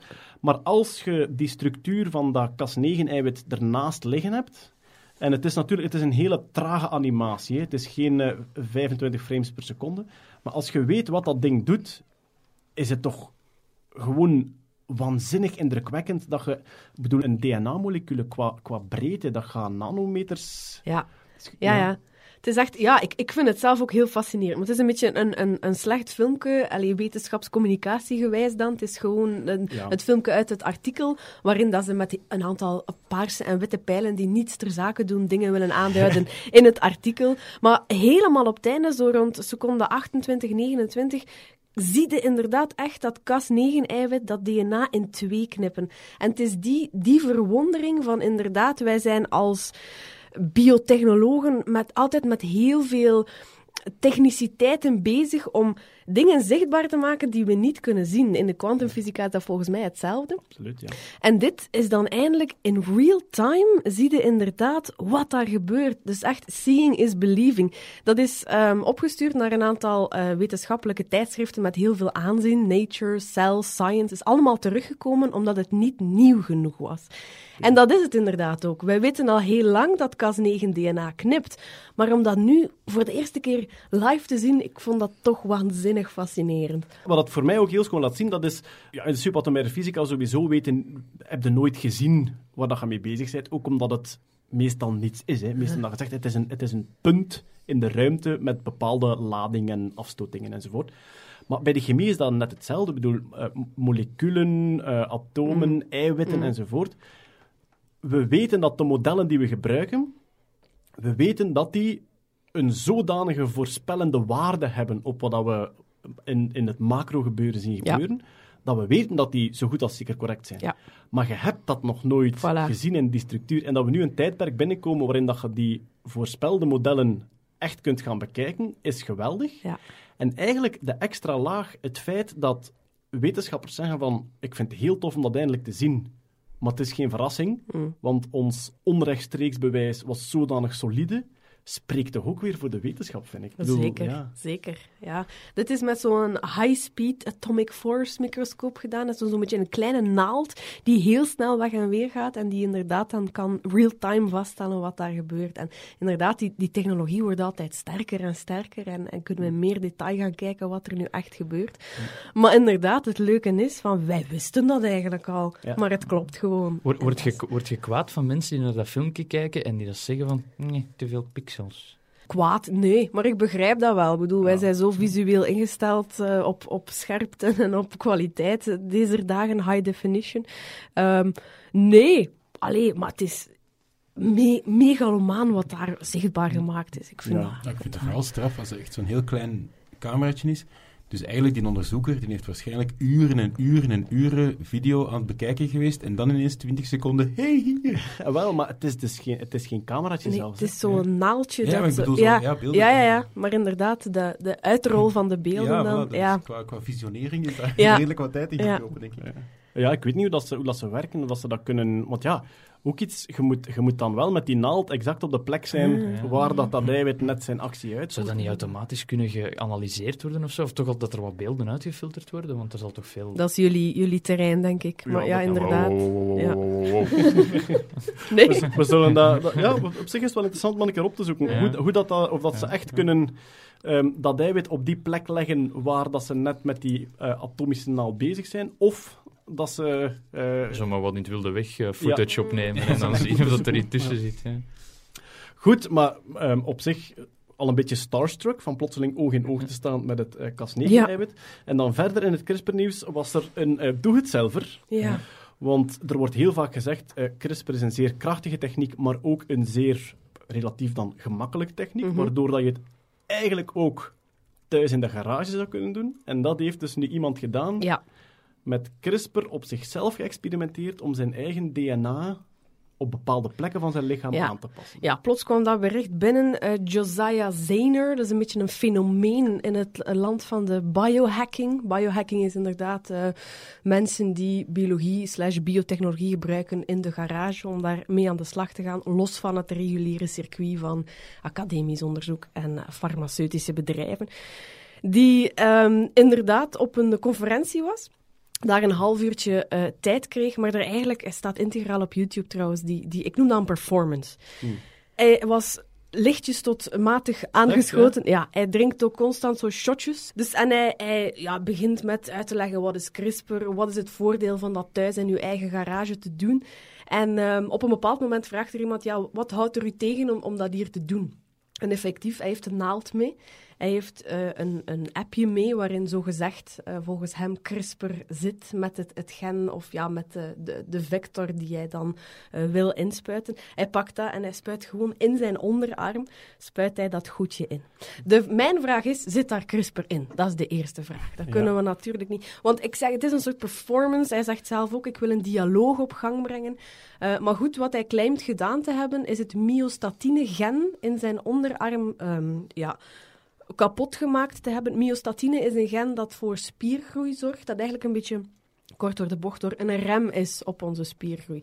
En je hebt zo van die, van die runderen, Belgisch wit-blauw, dat ken je misschien. Dikbilkoeien, die dikbilkoeien, die, die, die hebben een foutje in het myostatine-gen. Ja, dus omdat, die, die, ja. zijn niet, die zijn niet genetisch gemanipuleerd, maar op een bepaald moment was er Natuurlijk een ontstaan, natuurlijke ja. mutatie en die boeren dachten, wow, zo'n Schwarzenegger-koeien, dat is geen probleem, en ze zijn die blijven Dat geeft meer vlees per koe, dat is lekker. Ja, en ze zijn die inderdaad blijven doorkweken. Dus die hebben een foutje in dat myostatine-gen. En het is dat dat die, die biohacker Zener, dat hij nu al bij zich zichzelf ook Dus- bewerkstelligen. Wat er volgens hem in dat flesje zat, was dan een Cas9-eiwit Ja. met daarin het myostatine-gen waar dat die Cas9 naar Nee. moest op zoek gaan. Eh, ja, ja, dus inderdaad, de guide RNA om daar naartoe op zoek Ja. te gaan. Dus die eiwitten zouden dan, als het klopt wat hij zegt, in zijn arm, die moeten eerst cellen binnengeraken. Die moeten Dat zal de vraag, hè, natuurlijk. celkernen Zal dat gebeurd zijn? Eh, En dan ja, gaan die heel zijn DNA af en daar waar die dat stuk tegenkomen, knippen die dat knippen weg. Ja, inderdaad. En na die knip kunnen er eigenlijk drie dingen gebeuren. Het eerste is, uw cel herstelt dat gewoon. Zoals dat was, en er is niets aan de hand. Ja, inderdaad. Het tweede is, uw cel probeert die knip te herstellen, maar maakt een beetje foutjes in dat herstel, waardoor dat je dus mutaties eigenlijk inwerkt. Ja. Dat is het dan toch. De soundtrack is bezig hier, ja.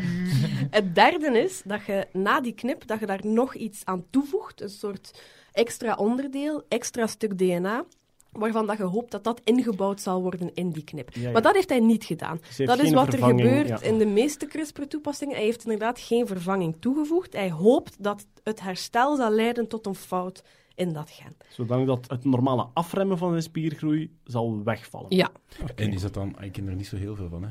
Eigenlijk niks, maar...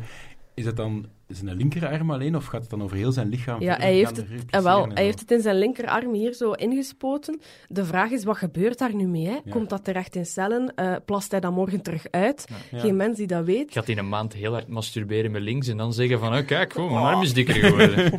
Zie die Ja. mannen. Ja, maar wat daar mij ook enorm aan intrigeert, ehm, ik ben bezig met, met daar wat dieper op in te gaan. Ik hoop daar een iets langere reportage, hopelijk in podcastvorm, ooit online te gooien.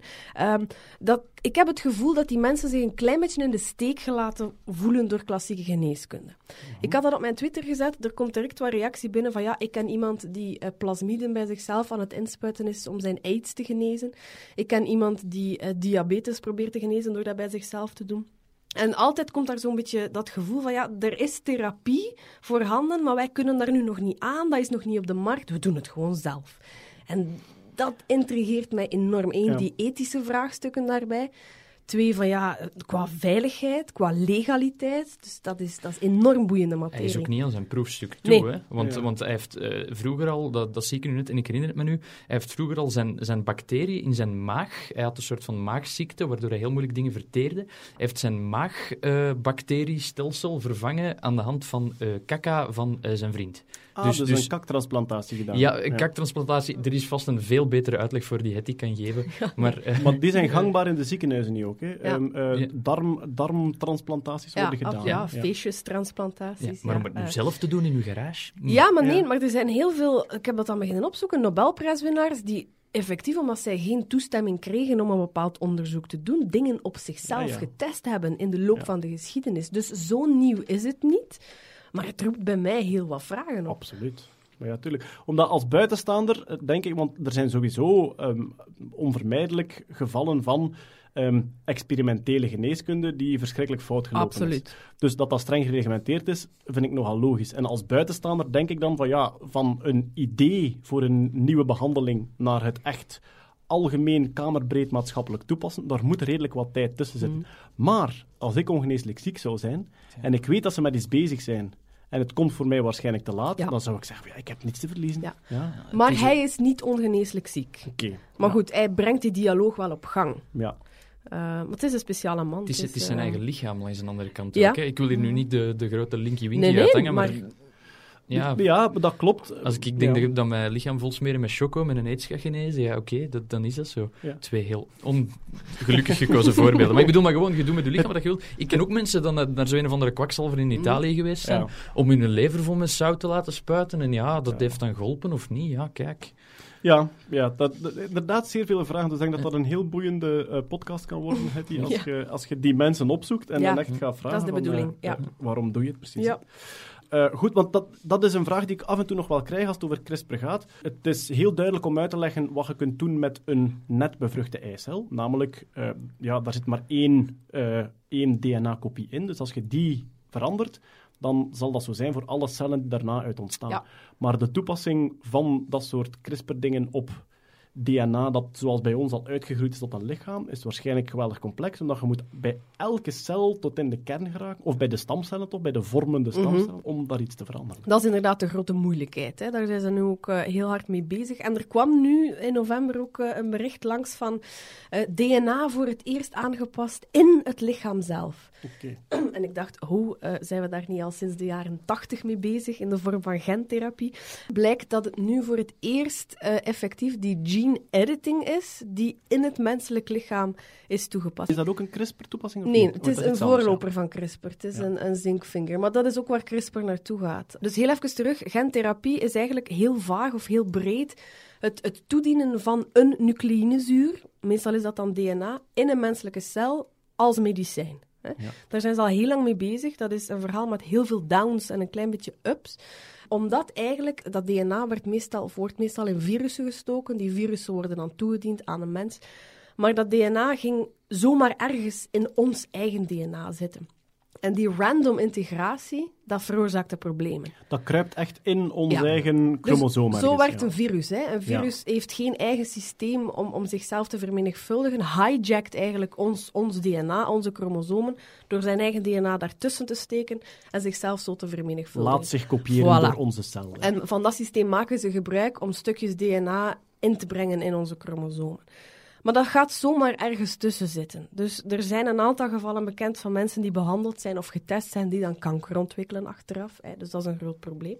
Maar die CRISPR heeft natuurlijk het grote voordeel, en ook de voorlopers zoals zinkvingers, om heel specifiek ergens naartoe te gaan. Hè. Je, Je kunt hem op, zeggen, eh, je moet voilà. op die plek Ja, je kunt dat op voorhand zeggen. En dat gebeurt al dikwijls, dat is al getest op mensen, CRISPR ook, maar altijd in de vorm van, we halen bloedcellen uit het lichaam, we halen daar dan bijvoorbeeld de T-cellen uit, we doen daar wat CRISPR op en we steken die terug in dat lichaam. In het Petrischaaltje. Ja, ja, dat is oké. al- men noemt dat dan ex vivo, hè, men haalt er iets uit en men, men steekt het dan terug in het menselijke Dat was lichaam. ook die leukemiebehandeling Ja, nu. Ja, ja, daar ja. zijn ze mee aan het testen, inderdaad. Maar nu, in november, zijn ze dus begonnen met echt in het menselijk lichaam, intraveneus, in het bloed, virussen in te spuiten bij een man met het eh, syndroom van Hunter. Stofwisselingsziekte, waardoor hij geen suikers meer kan afbreken. Die suikers stapelen zich op, hersenschade enzovoort. Levensbedreigend. Met dus echt, ja, dus in het lichaam, die virussen, die virussen gaan naar de lever. De bedoeling is dat ze daar eh, ja, op, een, op een welbepaald, vooraf vastgelegd stukje, stukje DNA gaan, gaan inwerken. En daar het, eh, het eh, eiwit dat hij niet heeft, gaan aanmaken. Dus een soort Ja, fabriekje. Dus je hebt, je hebt, er ontbreekt een stuk Ja. code in je DNA. Ja, of het is kapot, bij hem is het kapot. En je geeft dat mee met die virussen. Ja, Die laten die code los in de cel, Ja. waardoor dat je die stoffen toch de voilà. cel. Een soort fabriekje, een soort Een mini-fabriekje. software patch voor uw DNA. Het is een patch, ja, Ja. inderdaad. Ja. Ja. En dat is nu de eerste keer dat dus in het lichaam gebeurd is, getest wordt. Ja. En zie je, enfin, hoe, hoe succesvol was die behandeling nu? Het is nu, de, ze verwachten resultaten binnen de drie maand. Dus Ja. het is de eerste patiënt ter wereld die, die dat eh, ondergaat. Ik verwacht daar heel veel van. Maar ik zeg, het gentherapie is voor het eerst, denk ik, eind jaren 80 getest. En daar zijn heel, heel, heel veel problemen mee geweest. Er zijn heel veel doden mee geweest. Dat was de wondertherapie in de jaren 80 en 90. Dat heeft een enorme fallback gehad. Maar nu met die CRISPR, met te kunnen zeggen, jij moet naar daar en alleen naar daar, zie ik daar toch opnieuw een toekomst voor. staat heel mooi beschreven ook in eh, Het Gen van Siddhartha Mukherjee. Ja. Een gigantisch eh, eh, boeiend Ja. boek. En- Aanrader. Ja, en daar staat ook die opkomst van de gentherapie als Mm. zijnde, nu hebben we het gevonden, en dan de problemen en de, de slachtoffers die daar, die daar gevallen Ja. zijn. Goed, door nu heel specifiek ze naar een bepaalde plek te sturen in het DNA, wordt dat risico verminderd. Zie je dat echt, ehm, in de mate dat het te voorspellen valt, als iets dat in de toekomst gangbaar wordt? Gaan Ja. wij eh, in de toekomst naar het ziekenhuis gaan en dan echt een inspuiting krijgen die dingen herstelt Ja, ons? die kans lijkt mij reëel. Dat zal niet overal lukken. Hè. De bedoeling is ook dat dit alleen in de lever terechtkomt. Daar zijn een aantal eh, biotechnologische trucjes voor om dat te doen. Dat wordt het grootste probleem, hè. het ter plaatse krijgen Ja, oké. Waarin het wilt. Maar ehm, zeker op te volgen, absoluut. Oké, spannende tijden. Die, die CRISPR, elke maand heb ik zoiets van... Allee, man. Ja, maar- ja. genetica, eh the time is now. Hè. Hoe, Ja, hoe, hoe, absoluut. meer, hoe meer dat je je nu inleest in genetica, hoe meer verwondering de komende jaren in petto hebben. Want het is waanzinnig wat er gebeurt en wat er En ik ben is. gigantisch allergisch aan het woord revolutionair en wetenschap in ene zin. Ja. Maar dit is echt Het revolutionair. valt niet te ontkennen. Hè. Het, is, ja, het, eh, het, het is nu aan het gebeuren. We gaan naar ons favoriete hoofdstuk. En dat is... Musk Musknieuws! Oh, wauw, we zijn zelfs synchroon al. Prachtig. Ik heb een lijstje. Waarmee gaan we beginnen? Hier ligt mijn lijstje. Ja, laten we beginnen met de officiële voorstelling van de Electric Semi-Truck.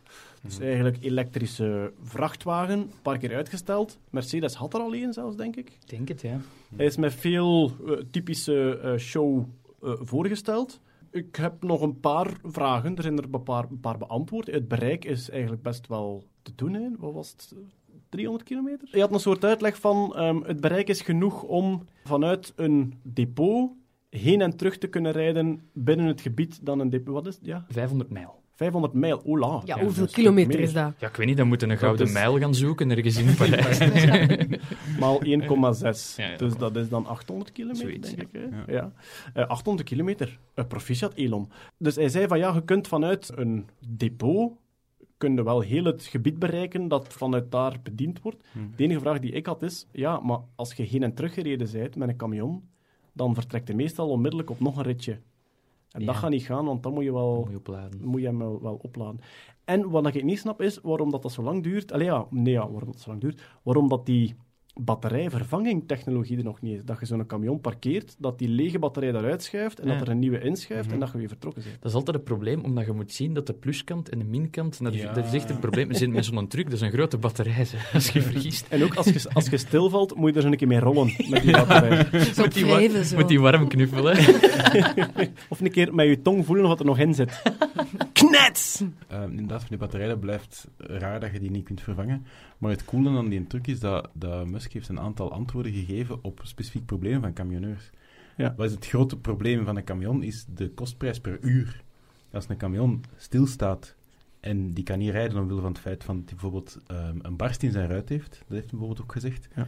dan verliest jij als camionneur verliest jij gewoon inkomen. Ja. En dus daar speelt hem ook op in. En, en het laden van die truck bijvoorbeeld, het, het grote voordeel dat hem daarbij zegt, is tegenover een dieseltruck moet je daar fysiek bij staan. Camionneurs die moeten ook om de zoveel tijd rusttijden hebben. Mhm. En het opladen van zo'n truck, dan kun je weer rusttijd pakken. Dus je wint eigenlijk een stukje rusttijd tijdens het opladen van je truck. Ja. Een elektrisch dan tegenover een dieseltruck die dat je moet gaan Je vullen. moet nog wel zo'n laadpunt hebben dan. Ja, dat is waar, ja. Dat Dat is komt het probleem. Hè. Nu ja, eh, qua kostprijs, eh, qua elektriciteitsprijs tegenover dieselprijs zitten ook wel al met Dat is een goedkoper, goed ja. verschil. Ja. En hij, hij rijdt ook een heel stuk vlotter bergop. hè, gewoon omdat je Ja, met dat daar elektrisch koppel zit. Ja, het grote probleem met camions is als die, ehm, is qua, als die de, de tractie verliezen, is dat die in schaar gaan staan. Hè. Vanochtend stond er trouwens nog een in schaar met de, met de gladde wegen. Ja, ik vind het altijd tof, omdat een, een, een schaar is ook Ja. een, een kras. Ja. En als ze dan zeggen van, er staat een geschaarde vrachtwagen op de E40, dan kan dat zo een boze camionneur. En als, als je een schaar hier, dan raak ik niet meer mee, jala. Ja, dus het voordeel van die truck is dat die, dat die vier wielen alle vier apart aangestuurd Mm. worden. Dus dat is qua, qua veiligheid weer een stapje hoger, wat hem weer de norm kan leggen voor andere elektrische en andere trucks in het algemeen. Ehm, en dus dat je dus minder ongevallen gaat krijgen, sowieso met camions. Ik zou, wel eens, hij, ik zou wel eens op zo'n truckersparking willen staan. Zo'n echte truckersparking. Hè? Zo mokken koffie, vastgekleefde pornoboekjes, weet ik veel wat. Echt zo truckerstop. Roemeense De- hoeren. De eerste keer dat er iemand met zo'n Tesla-truck binnenkomt. Zo. Hoe zit het met productie? Want dat is, ehm, als, we, als we Tesla zeggen tegenwoordig, Ja. moeten we altijd ons Ja. afvragen, hoe zit het met de productielijn? Ja, dat gaat binnenkort, maar het is nog, het is nog twee, drie jaar eer dat hem... ehm, Echt ik denk in- volgend de jaar kunnen komt. bestellingen, of oh, anderhalf jaar kunnen beginnen Ja. bestellen. En dat gaat nog twee, drie jaar vanaf nu duren eer dat hem er is. Er is ook een nieuwe Roadster voorgesteld, maar ik weet niet, Ja. of, dat was een beetje een verrassing, dacht ik, voor iedereen, dat ze zeiden van, ah ja, en er is ook een nieuwe sportwagen. Ja, dat is zo de... De Steve Jobs. ding. One, uh, oh, One More Thing. Ah, ja, Ja, hij reed Jobs ook truc. uit die is- Ja, het is weer terug in, de, in het stappenplan van Musk. Hè. De eerste stap, namelijk we brengen een hele dure auto uit. Ja. Voor de hele dure. Met dat research gaan we naar een dure auto voor degenen die het kunnen betalen. En dan gaan we een derde stap naar de Model 3. Ja. Ehm, is er nu terug naar het eerste. Ah, de Roadster is terug echt high-end het is voor de Het is de snelste auto die op de weg mag rijden. Dat is juist, ze hebben ook een filmpje gemaakt waar dat er een, ehm, een Tesla optrekt tegen Ja. een race, dat is een Viper, De ik weet het Porsche. niet. Tegen een Ik Porsche. dacht een Bugatti of zo. Of een Bugatti, ja. ja. Heb je het gezien, het filmpje? Dus Nee. je hebt, je hebt Een zo... drag race tussen die twee. Ja, de Mhm. drag race, hè, op een rechte Mhm. lijn zo snel mogelijk optrekken. En? En dus de raceauto met de verbrandingsmotor, die ligt even voor. Maar natuurlijk, die moet schakelen en zo, die verliest koppel, terwijl zo'n elektrisch koppel, dat knalt gewoon vooruit. En die elektrische haalt die in. En dan de reveal is, dat achter die elektrische hangt er een aanhangwagen met zo'n racewagen op, met een verbrandingsmotor, waartegen het aan het racen is. en die haalt die met die aanhangwagen zo... wam. Oh. Ja, dat is ook met die, met die truck qua koppel. Daar pakt Musk dan natuurlijk wel mee uit. Van als je bergop moet rijden met zijn, eh, met zijn semi, Ja. Dan ja, dat gaat gewoon duizend keer, nee, niet duizend keer, misschien overdreven, lichtjes. Maar dat gaat wel een pak, pak beter Mm. dan met een diesel. Goed, de Falcon Heavy launch, dus zijn nieuwe superzware raket, die op termijn ja, de voorloper van de BFR, hè, van de Big Fucking Rocket, ehm, die is nu toch eindelijk gepland, na vele jaren uitstel. De eh, Falcon Heavy wordt gelanceerd in januari. Het is de lancering waarvan dat Musk zegt, de kans dat er niets fout loopt is eerder klein. En ik hoop dat hij ontploft als hij ver genoeg van de grond is dat het lanceerplatform niet caché is. Ehm, maar hij heeft nu ook de payload bekendgemaakt. Ja, En hij gaat zijn eigen... Ego lanceren. ja, het scheelt ja gemotoriseerd ego, ja. In, in, ja, hij gaat een van zijn eigen Tesla Roadster-auto's naar Mars knallen. Because you can. Dus het is een testlancering en ze hebben, ze hebben bij SpaceX hebben ze wel een beetje de traditie, als je een testlancering doet, maakt je payload toch niet uit, want niemand neemt dat risico dat de boel Nee, ontploft. Dus dan stoppen ze dat iets onnozelen. In 2010 hebben ze de eerste Dragon-capsule gelanceerd met een bolkaas in. Met daarop top secret eh, geschreven. en dus nu, nu had hij weer op voorhand aangekondigd van we zijn op zoek naar het meest onnozele dat je naar Mars kunt schieten. En toen dacht hij, mijn eigen auto. Maar dus die een roadster van 250.000 nee, dat is dollar. niet ah, Zijn nee, een de oude. Ja, zijn Ah. een oude. oude superdure auto. ja. zijn, zijn een, zijn een eh, oldtimer. Maar ja, in vergelijking met de prijs van die raket zal er niet veel schelen. Maar Ja, gewoon, het moment dat je als miljardair op het punt komt dat je eigenlijk je auto naar Mars kunt schieten, Ja. dan heb je toch iets bereikt in het Ja, leven. maar, ja, en denk dan, eh, na een succesvolle lancering, moeten naar huis rijden. En waar staat het dan? Ja, maar dat is wel waar. laadpalen op Mars. Met een BFR. Hè. Maar ik kijk er geweldig naar uit, hè, naar die lancering. Eh, want eh, ja, hij, heeft al, hij heeft ook al getweet... ehm, het wordt sowieso spectaculair. Op welke manier, dat weten we Ja. nog niet. Dus ofwel ontploft heel de boel, ofwel is het een geslaagde lancering. En Is er een exacte datum bekend? januari is er Nee, gezegd. ja. Maar ja, goed, ja, er, in september zeiden ze oktober, in Mm. oktober zeiden ze november, in november zeiden ze december. Ik Afhankelijk er, van weercondities. ik zet er een honderdduizendste bitcoin op in dat die weer gaat uitgesteld worden. Ja, oké, dat is goed. Doe Ja, maar, want doe. over 100 jaar is die 8 miljoen waard. die bitcoin. Het is door Ehm, mensen als u dat de economie in elkaar stort. Sorry, ik met mijn venture capitalism ook. Zie, gokken met bitcoin, dat is alles dat je kunt. En cocaïne. De tunnel onder LA is volop in aanbouw. Ja, hij gaat naar zijn bureau, heb ik Ja. gelezen. Hij gaat van zijn huis Ja. naar zijn bureau, ja. Super. Oh, de heerlijke Ja, opportunist. onze, Nee, nee, dat was gewoon handig, want dat was op privéterrein, dus kon hij al... Onze, fil, onze hè? Godverdomme. Hij had wel een uitleg als zijnde inderdaad, want is die een eerste tweet van de Boring Company, is dat nu al een jaar geleden of nog niet? Dat moet toch al een jaar geleden bijna, zijn. Ik denk hoor er al zo lang Want dat is over. toch- op zich is dat toch waanzin dat je dat nu al, dat dat nu al eh, volledig in aanbouw is. En dus zijn argument was inderdaad, ja, we moesten ergens beginnen boren en het SpaceX-terrein was van ons, dus zijn we daar begonnen. En daarom eindigt hij in een tunnel daar. En de, de weg naar zijn huis is nu ook wel heavy congestion, dat is ook wel een, een echte file-route. Dus daarom zegt hij, sorry, maar hij heeft het ook zelf betaald, hè. het is niet mijn overheidsgeld. Dus ja, dus wat heeft Elon gedaan deze maand? Hij gaat zijn notten naar Mars schieten en heeft een tunnel van zijn huis naar zijn werk geboord. In het compleet andere roddelgenre, hij zou terug samen zijn met zijn ex. Hij zou terug samen zijn met zijn ex, want Allee, hij mist ze. Ze zijn samen gespot in L.A. aan de ontbijttafel. Musk was eerst twee keer getrouwd. Ja. Dan had hem Amber Heard, een, een hele knappe, ik denk ook een actrice of, een, of Mhm, iemand uit dat de, een media, actrice. een actrice uit de mediawereld.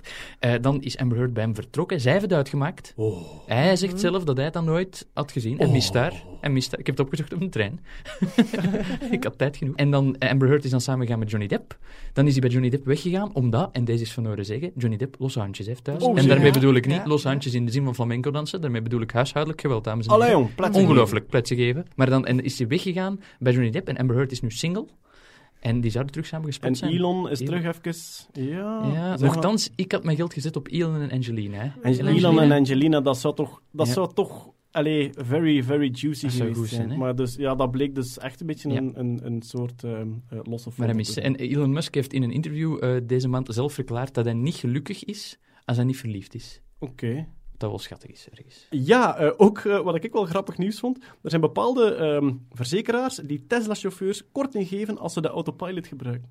Omdat, als, ze hebben de berekening gedaan dat Tesla's die rondrijden op autopilot per kilometer minder ongevallen doen dan menselijke chauffeurs. Er zijn nu verzekeraars die zeggen van, hey, weet je wat, hier, eh, 10% korting als je kunt aantonen dat je veel op autopilot rijdt. Maar zijn er ondertussen al wetten over bij ons in België? Ik geloof in Duitsland wel al. Maar we zitten, we zitten een beetje in waar de drones lang gezeten hebben. Namelijk, de wetten zijn er eigenlijk niet. Als je nu, denk ik, echt een keer streng juridisch dat bekijkt, dan moeten ze eigenlijk verbieden. En ik denk dat dat de politiek een beetje tegenhoudt, dat je niet het land wil zijn dat dat verbiedt. Want Ja. ze rijden rond. En ik ken mensen die echt op autopilot, dus die echt... Ja, ja, ja. Dus ik ken, hier in ja. België? Ja, absoluut. Ja, ja, ja. Als jij hier op de autostrade naast een Tesla rijdt, is de kans groot dat die mens niet aan het sturen is. Hè. En ik ken mensen die met een Tesla, die hem bijvoorbeeld ook zelf de afrit laten nemen en zo. Hè. Dus niet alleen op de strade, maar die ook de afrit wordt door een Tesla genomen en dan past zo, als je in de buurt van je werk zit, dan neem je over. En beslist je zelf, ja, je beslist zelf wanneer je overneemt. Ja, ja, sowieso. Hè. Ja, ja. Maar goed, de- ik denk dat Tesla zichzelf wel ingedekt heeft als zijnde, je moet altijd alert zijn. Ik weet bij, bij Mercedes, als je... Want ja, Kurt en ik hebben een keer in, in een half zelfrijdende Mercedes gezeten. Als je het stuur langer dan 15 seconden loslaat, geeft hij een alarm en Ah, ja. eh, mogen niet meer. Dus ik denk wel dat Tesla zichzelf ingedekt heeft als zijnde, je moogt eigenlijk niet, maar het gebeurt. Er, er rijden nu... Er rijden nu zelfrijdende auto's rond eh, eh, waar dat je bij bent. Ja, dat is zo. In het Musk-hoofdstuk moeten we natuurlijk ook kijken naar de andere zilverrug gorillas in Silicon Valley. Jeff Bezos heeft nu toch wel een wereldschokkende uitspraak gedaan. Hij heeft gezegd, we moeten naar de ruimte om de aarde te redden. Dat is nieuw. Nu loopt hij maar vier jaar achter op Musk. Dus dat is op zich vrij dapper. Maar ja, bon, die heeft dat verklaard. Dus dat was weer zo'n typisch ik wil Musk zijn moment van Jeff Bezos. Misschien iets juicier. eh, Google en Amazon hebben boel. Die hebben boel met elkaar. Over? Over van alles. Van alles, ja. Over, eh, jij moogt mijn dingen niet in uw winkel leggen. Ah, Ja. dan mogen ze via uw tv niet naar mijn YouTube kijken. Zo, dat, dat is letterlijk aan de gang. Hoe is het ontstaan. Jeroen? Maar ik denk dat eh, die bedrijven liggen al langer met elkaar in, in, in onvrede over onder andere over Google Shopping. Zo'n soort van Google-dienst, een van de 10 miljoen Google-diensten die dat bepaalde winkels voortrekt en andere niet. Winkels dat dan geld aan Google geven en dit en dat. Dus ik denk dat het daar iets mee te maken had. Het was een- een kluwe van elkaar echt pesten op van die kleine lullige manieren, waar uiteindelijk de consument alleen maar bij verliest. Want Ja. jij kunt inderdaad op uw Amazon-stick of weet ik veel wat niet meer naar bepaalde Google-dingen kijken. Ik ben niet helemaal teruggegaan tot waar het echt begon. Ik had ergens gezien dat, ik geloof, de voice command domotica set van Google, is dat Echo? Nee, Amazon is Echo zeker, hè? De Google Home werd vroeger aangeraden door Amazon. Na een tijdje, omdat ze zelf die in Alexa hadden, hebben ze de Google Home uit de winkel gebannen. Toen was Google kwaad. En toen zeiden ze, ah, als jullie ons een Home niet meer aanbieden in de winkel, dan kunnen klanten die via uw tv's op het internet naar YouTube willen kijken, die mogen dat niet meer. Dus ze hebben hun YouTube-app geblokkeerd op Amazon tv's. Daar heeft Amazon een workaround voor gevonden, waardoor dat ze via een omweg dan toch terug op YouTube kon. En nu hebben alle eigenaars van die tv terug een melding gehad dat vanaf 1 januari dat YouTube weer wegvalt. Dat is gewoon het En- beste van de consument uiteindelijk. En Amazon heeft dan weer iets, nog wat andere Google-producten, like de, de Chromecast en zo, kun je al ook niet meer op Amazon kopen. En fijn, Ja, dat, is ook, gewoon ja. een voorbode van als eh, netneutraliteit wegvalt. Hè. Yep. Dat is exact hetzelfde. Maar dan hier op devices, maar netneutraliteit is net hetzelfde. Ja. Als inderdaad, als jij via een Chrome of whatever, als jij, hoe heet het, de, de ISP's in, eh, in, in Amerika? Ver, eh, Verizon Veri- en ja, Comcast. Ja, voilà, als je via Verizon gaat, dat je Netflix niet kunt pakken. Als je via Comcast gaat, dat je Netflix wel kunt pakken. Of dat je het goedkoper kunt pakken, Ja. of sneller kunt pakken. Of vervang door Telnet en Belgacom hier. Ja, voilà. Dus koppelverkoop op eh, internettoegang. Ja, ja, Ja. het internet opverdelen in kanalen, zoals je Ja. tv op, opdeelt. Hè. Je, Ja. koopt een, je, koopt een, eh, je koopt een sportpakket, dan kun jij heel snel via Telnet surfen naar eh, sport.be en weet ik veel wat allemaal, maar minder snel naar Wikipedia. En Ja. dat soort Of bijvoorbeeld, opdelingen. ja, bijvoorbeeld als jij abonnement bij een gsm-abonnement bij Base hebt, dat bijvoorbeeld Facebook niet meetelt voor uw eh, dataverkeer. Ja. Dat soort Mhm. afspraken. Ja, ja. Als je trouwens over die, die assistenten, een heel grappig filmpje om op te zoeken, is Alex Jones, de bekende, ehm, hoe moet ik het zeggen, shock-radiomaker, zo conspiracy nut, die ondervraagt in de studio zes minuten lang zo'n Alexa of dat die banden heeft met de CIA. Het is weer een, van- zijn, dat is diezelfde kerel die beweerde dat er kindslaven op Mars waren. En nu ondervraagt hij zo'n Alexa van, ben je verbonden met de CIA? En dat ding, dat slaat compleet tilt. En hij leest er dan van alles in van, zie je wel, ze zijn aan het luisteren. Echt, als je een man zes minuten zijn sanity wilt zien verliezen, aangeraden. Heerlijk. Goed, we gaan afsluiten met nog een paar eh, korte nieuwtjes. Er zou een 50-qubit quantumcomputer in de maak zijn bij IBM. Ja, IBM is daar inderdaad mee bezig. Ze hebben een prototype nu gemaakt. Ehm, misschien even aan een recap. Een klassieke computer werkt met bits 0 en 1, binair. En een quantumcomputer werkt met qubits. Dus die zijn 0, 1 en zo'n beetje alles wat daartussen ligt. Superpositie. Ze Ja. kunnen ook een bepaalde kans 0 en een bepaalde kans 1 Ja. zijn. Ja. Dus die maken vooral gebruik inderdaad van superpositie en kwantumverstrengeling, waardoor je veel meer rekenkracht krijgt dan bij een gewone computer. En ze hadden op voorhand zo gezegd van de milestone gaat zijn, als we 50 qubits hebben gehaald, dan zitten we eigenlijk boven wat een gewone supercomputer kan doen. Dan hebben we zo de, de echte kracht van de kwantumcomputer in handen. Maar dat is natuurlijk super moeilijk, want die qubits zijn heel moeilijk stabiel te houden. Ehm, in tijd vooral. Ik denk dat ze nu, de IBM, dat de dingen nu 90 milliseconden stabiel heeft gehouden, die 50 qubits. Want eigenlijk ook hoe meer qubits je daarin gaat steken in dat systeem, hoe meer foutenmarge je krijgt. Alleen hoe moeilijker dat wordt om die allemaal stabiel te houden. En nu hebben ze dus die 50 qubits voor 90 milliseconden stabiel gehouden. En dat is best wel een big deal eigenlijk. Ja, want ik heb eh, ehm, af en toe eens gebabbeld met Julia Kramer, die Ja. ook op de Technopolis Science Comedy avond was. En die dus, ehm, denk nu Science Communication doet, maar heel lang in, in ehm, het kwantumonderzoek aan de TU Delft gewerkt Ze doen het halftijds. Hè. Ze zit halftijds in Leiden voor wetenschapscommunicatie en halftijds eh, Ah, ja. in Delft nog altijd. Ja. Zij was ook bezig over die Majorana-deeltjes, hè, waar dan we ooit een keer hier ook ons tanden Ja. op stuk gebeten hebben. En zij sprak over, bij die quantumcomputing, de doorbraak ligt altijd ergens om de hoek, maar niemand weet hoe ver. Ja. En de voorbije jaren in Delft was er vooral frustratie en koppigheid.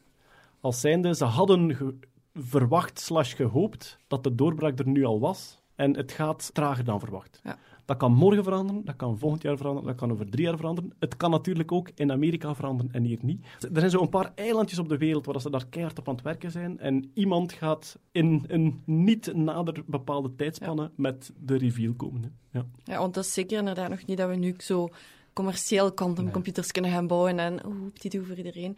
Maar wel nog, dat had ik gezien op de site van IBM, die doen aan quantum cloud computing of zoiets. En daar kun je dan zo zelf code Ja. gaan programmeren. En die hebben zo'n systeem gemaakt van 20 qubits en dat is dan available voor gebruikers. En je mocht daar je research op doen. Maar er is ook iemand die daar spelletjes op heeft gemaakt of zo. Maar dat is gesimuleerd op gewone computers. Simuleren ze 20 Is dat qubits. gesimuleerd, hè? Ik denk het wel. Ik, ik de- ja, ik, heb ook, ik, heb, ik vind er de juiste informatie niet over, want ik heb er ook mee liggen spelen en, en het is zo'n tutorial dat je slaafs kunt volgen, maar Ja. op het einde zat ik ook op mijn honger van, ja, maar is dit nu... Ja, ja. heb ik nu echt met qubits Ja, ja, ja. gespeeld? Want dan jij en anders...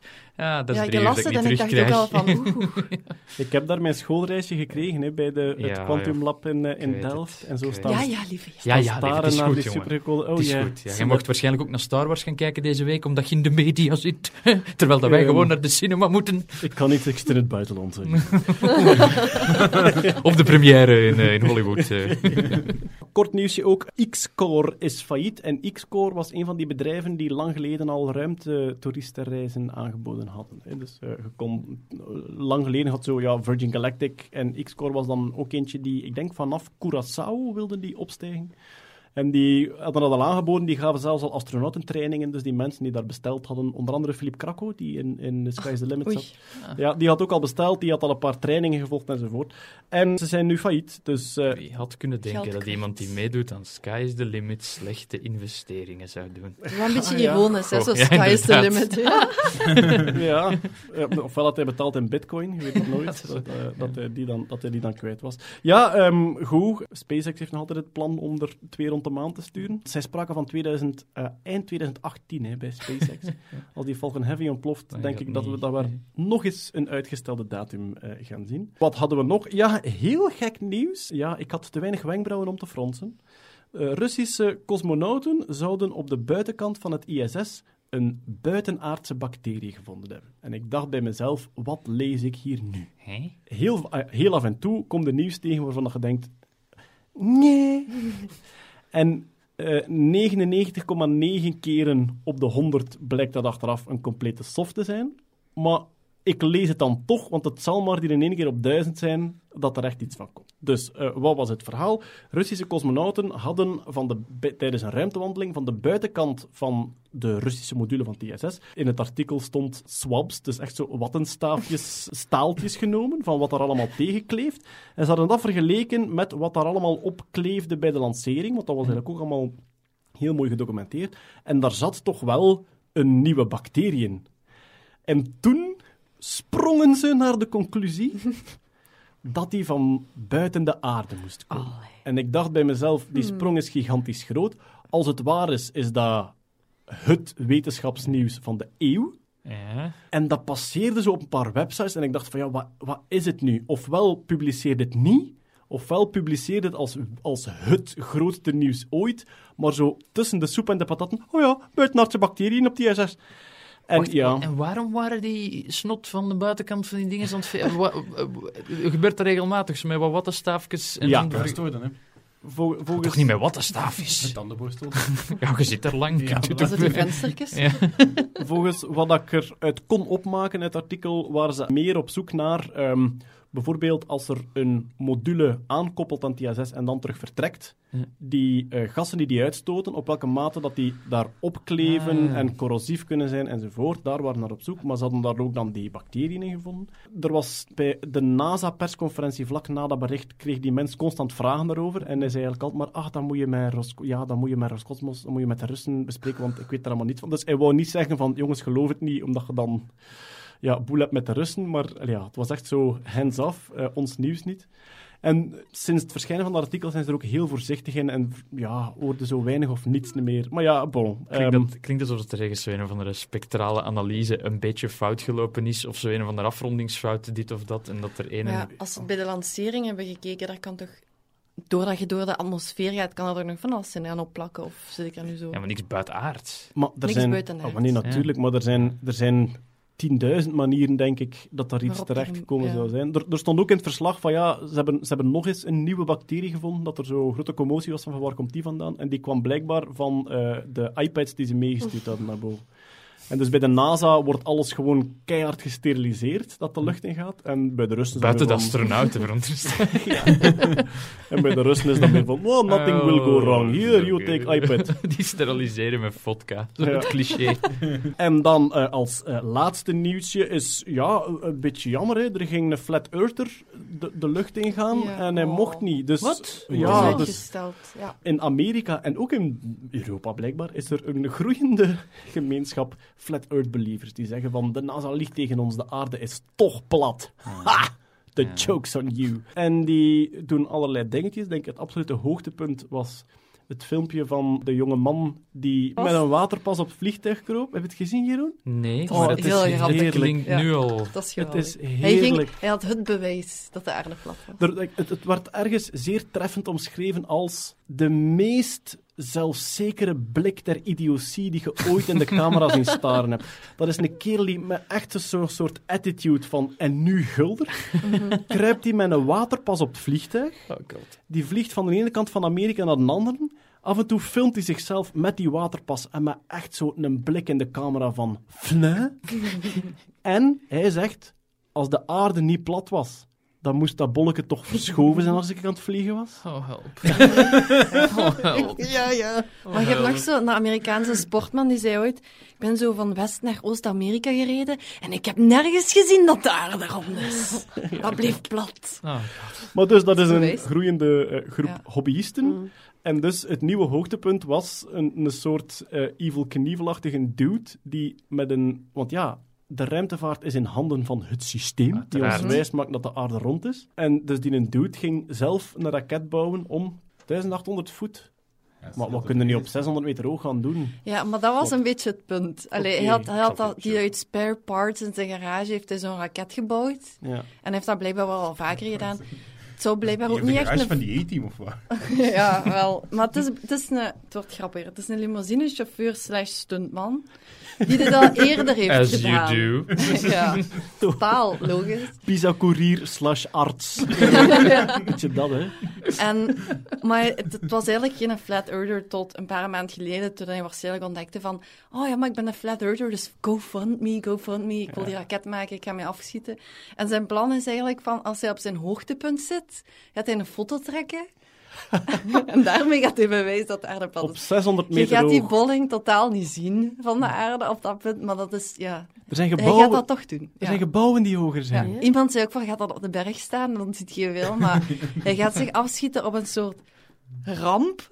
Lanceert hij zichzelf met zijn zelfgefabriceerde raket. Het is toch Ja. 550 meter? Oh, damn, jongens, ik wist niet dat het zo dwaas was. Maar dus, hij, hij Ja. mocht niet van de autoriteiten. Ja, die hadden gezegd, je mocht dat niet op publiek domein gaan doen, logisch. Dus heeft het nu al moeten uitstellen om privédomein te gaan zoeken. En dan was het zo waaierig en dan kon hij nog niet gaan lanceren, maar gaat het wel doen binnenkort. Het is een beetje gelijk Elon Musk, zo, maar dan van een Aldi. Maar dan geef je die mens toch voer voor als je dan van de overheid niet moogt. Die, voor de rest van de- zijn leven is zo van, ja, ja, Ik, ja. ik was op het punt om het te ontdekken, but Te then, doorvallen. then the man stopped me. Hè. Dat was, ik, Dat was exact wat ik dacht. Oh. Al die flat earthers die nu zeggen, zie je wel, Oh, dat moet er niet het doen. moet verborgen blijven. Maar ja, ze hebben nog altijd het waterpasfilmpje, hè. Dus daar Ja, dat is waar, wel nog inderdaad. van- Ik had daar trouwens nog en een grappig nieuwsje over, ook gekoppeld aan Elon Musk. Elon had een tweet gestuurd van, zeg maar, waarom is er eigenlijk geen Flat Mars Society? en Ja. hij dacht van, oh, hiermee heb ik elk argument van de Flat Earthers ontkracht. En Flat Earth kwam terug met, ja, maar Mars is rond, dat is bewezen. Of de aarde niet, hè? Maar dat is het Die heerlijke. logica is... Dat, dat is het heerlijke bij dat soort flippo's. Die hebben altijd een tegenargument. Mm. Dat, is, ja, dat is eigenlijk heerlijk. Goed, ik denk dat we rond zijn. Eh, het was weer Niet een... volgens de Flat Earthers. Oh, kut. En on this bombshell, ladies and gentlemen. Ehm, hartelijk dank eh, voor het luisteren alweer. Eh, we zijn er hopelijk terug na nieuwjaar. Hartelijk dank, Hetty Helsman. Graag gedaan. Jeroen Baert. Doei. Nataka. Doodles. eh, Kurt Beheint. Tot de volgende keer. Dag. Dag.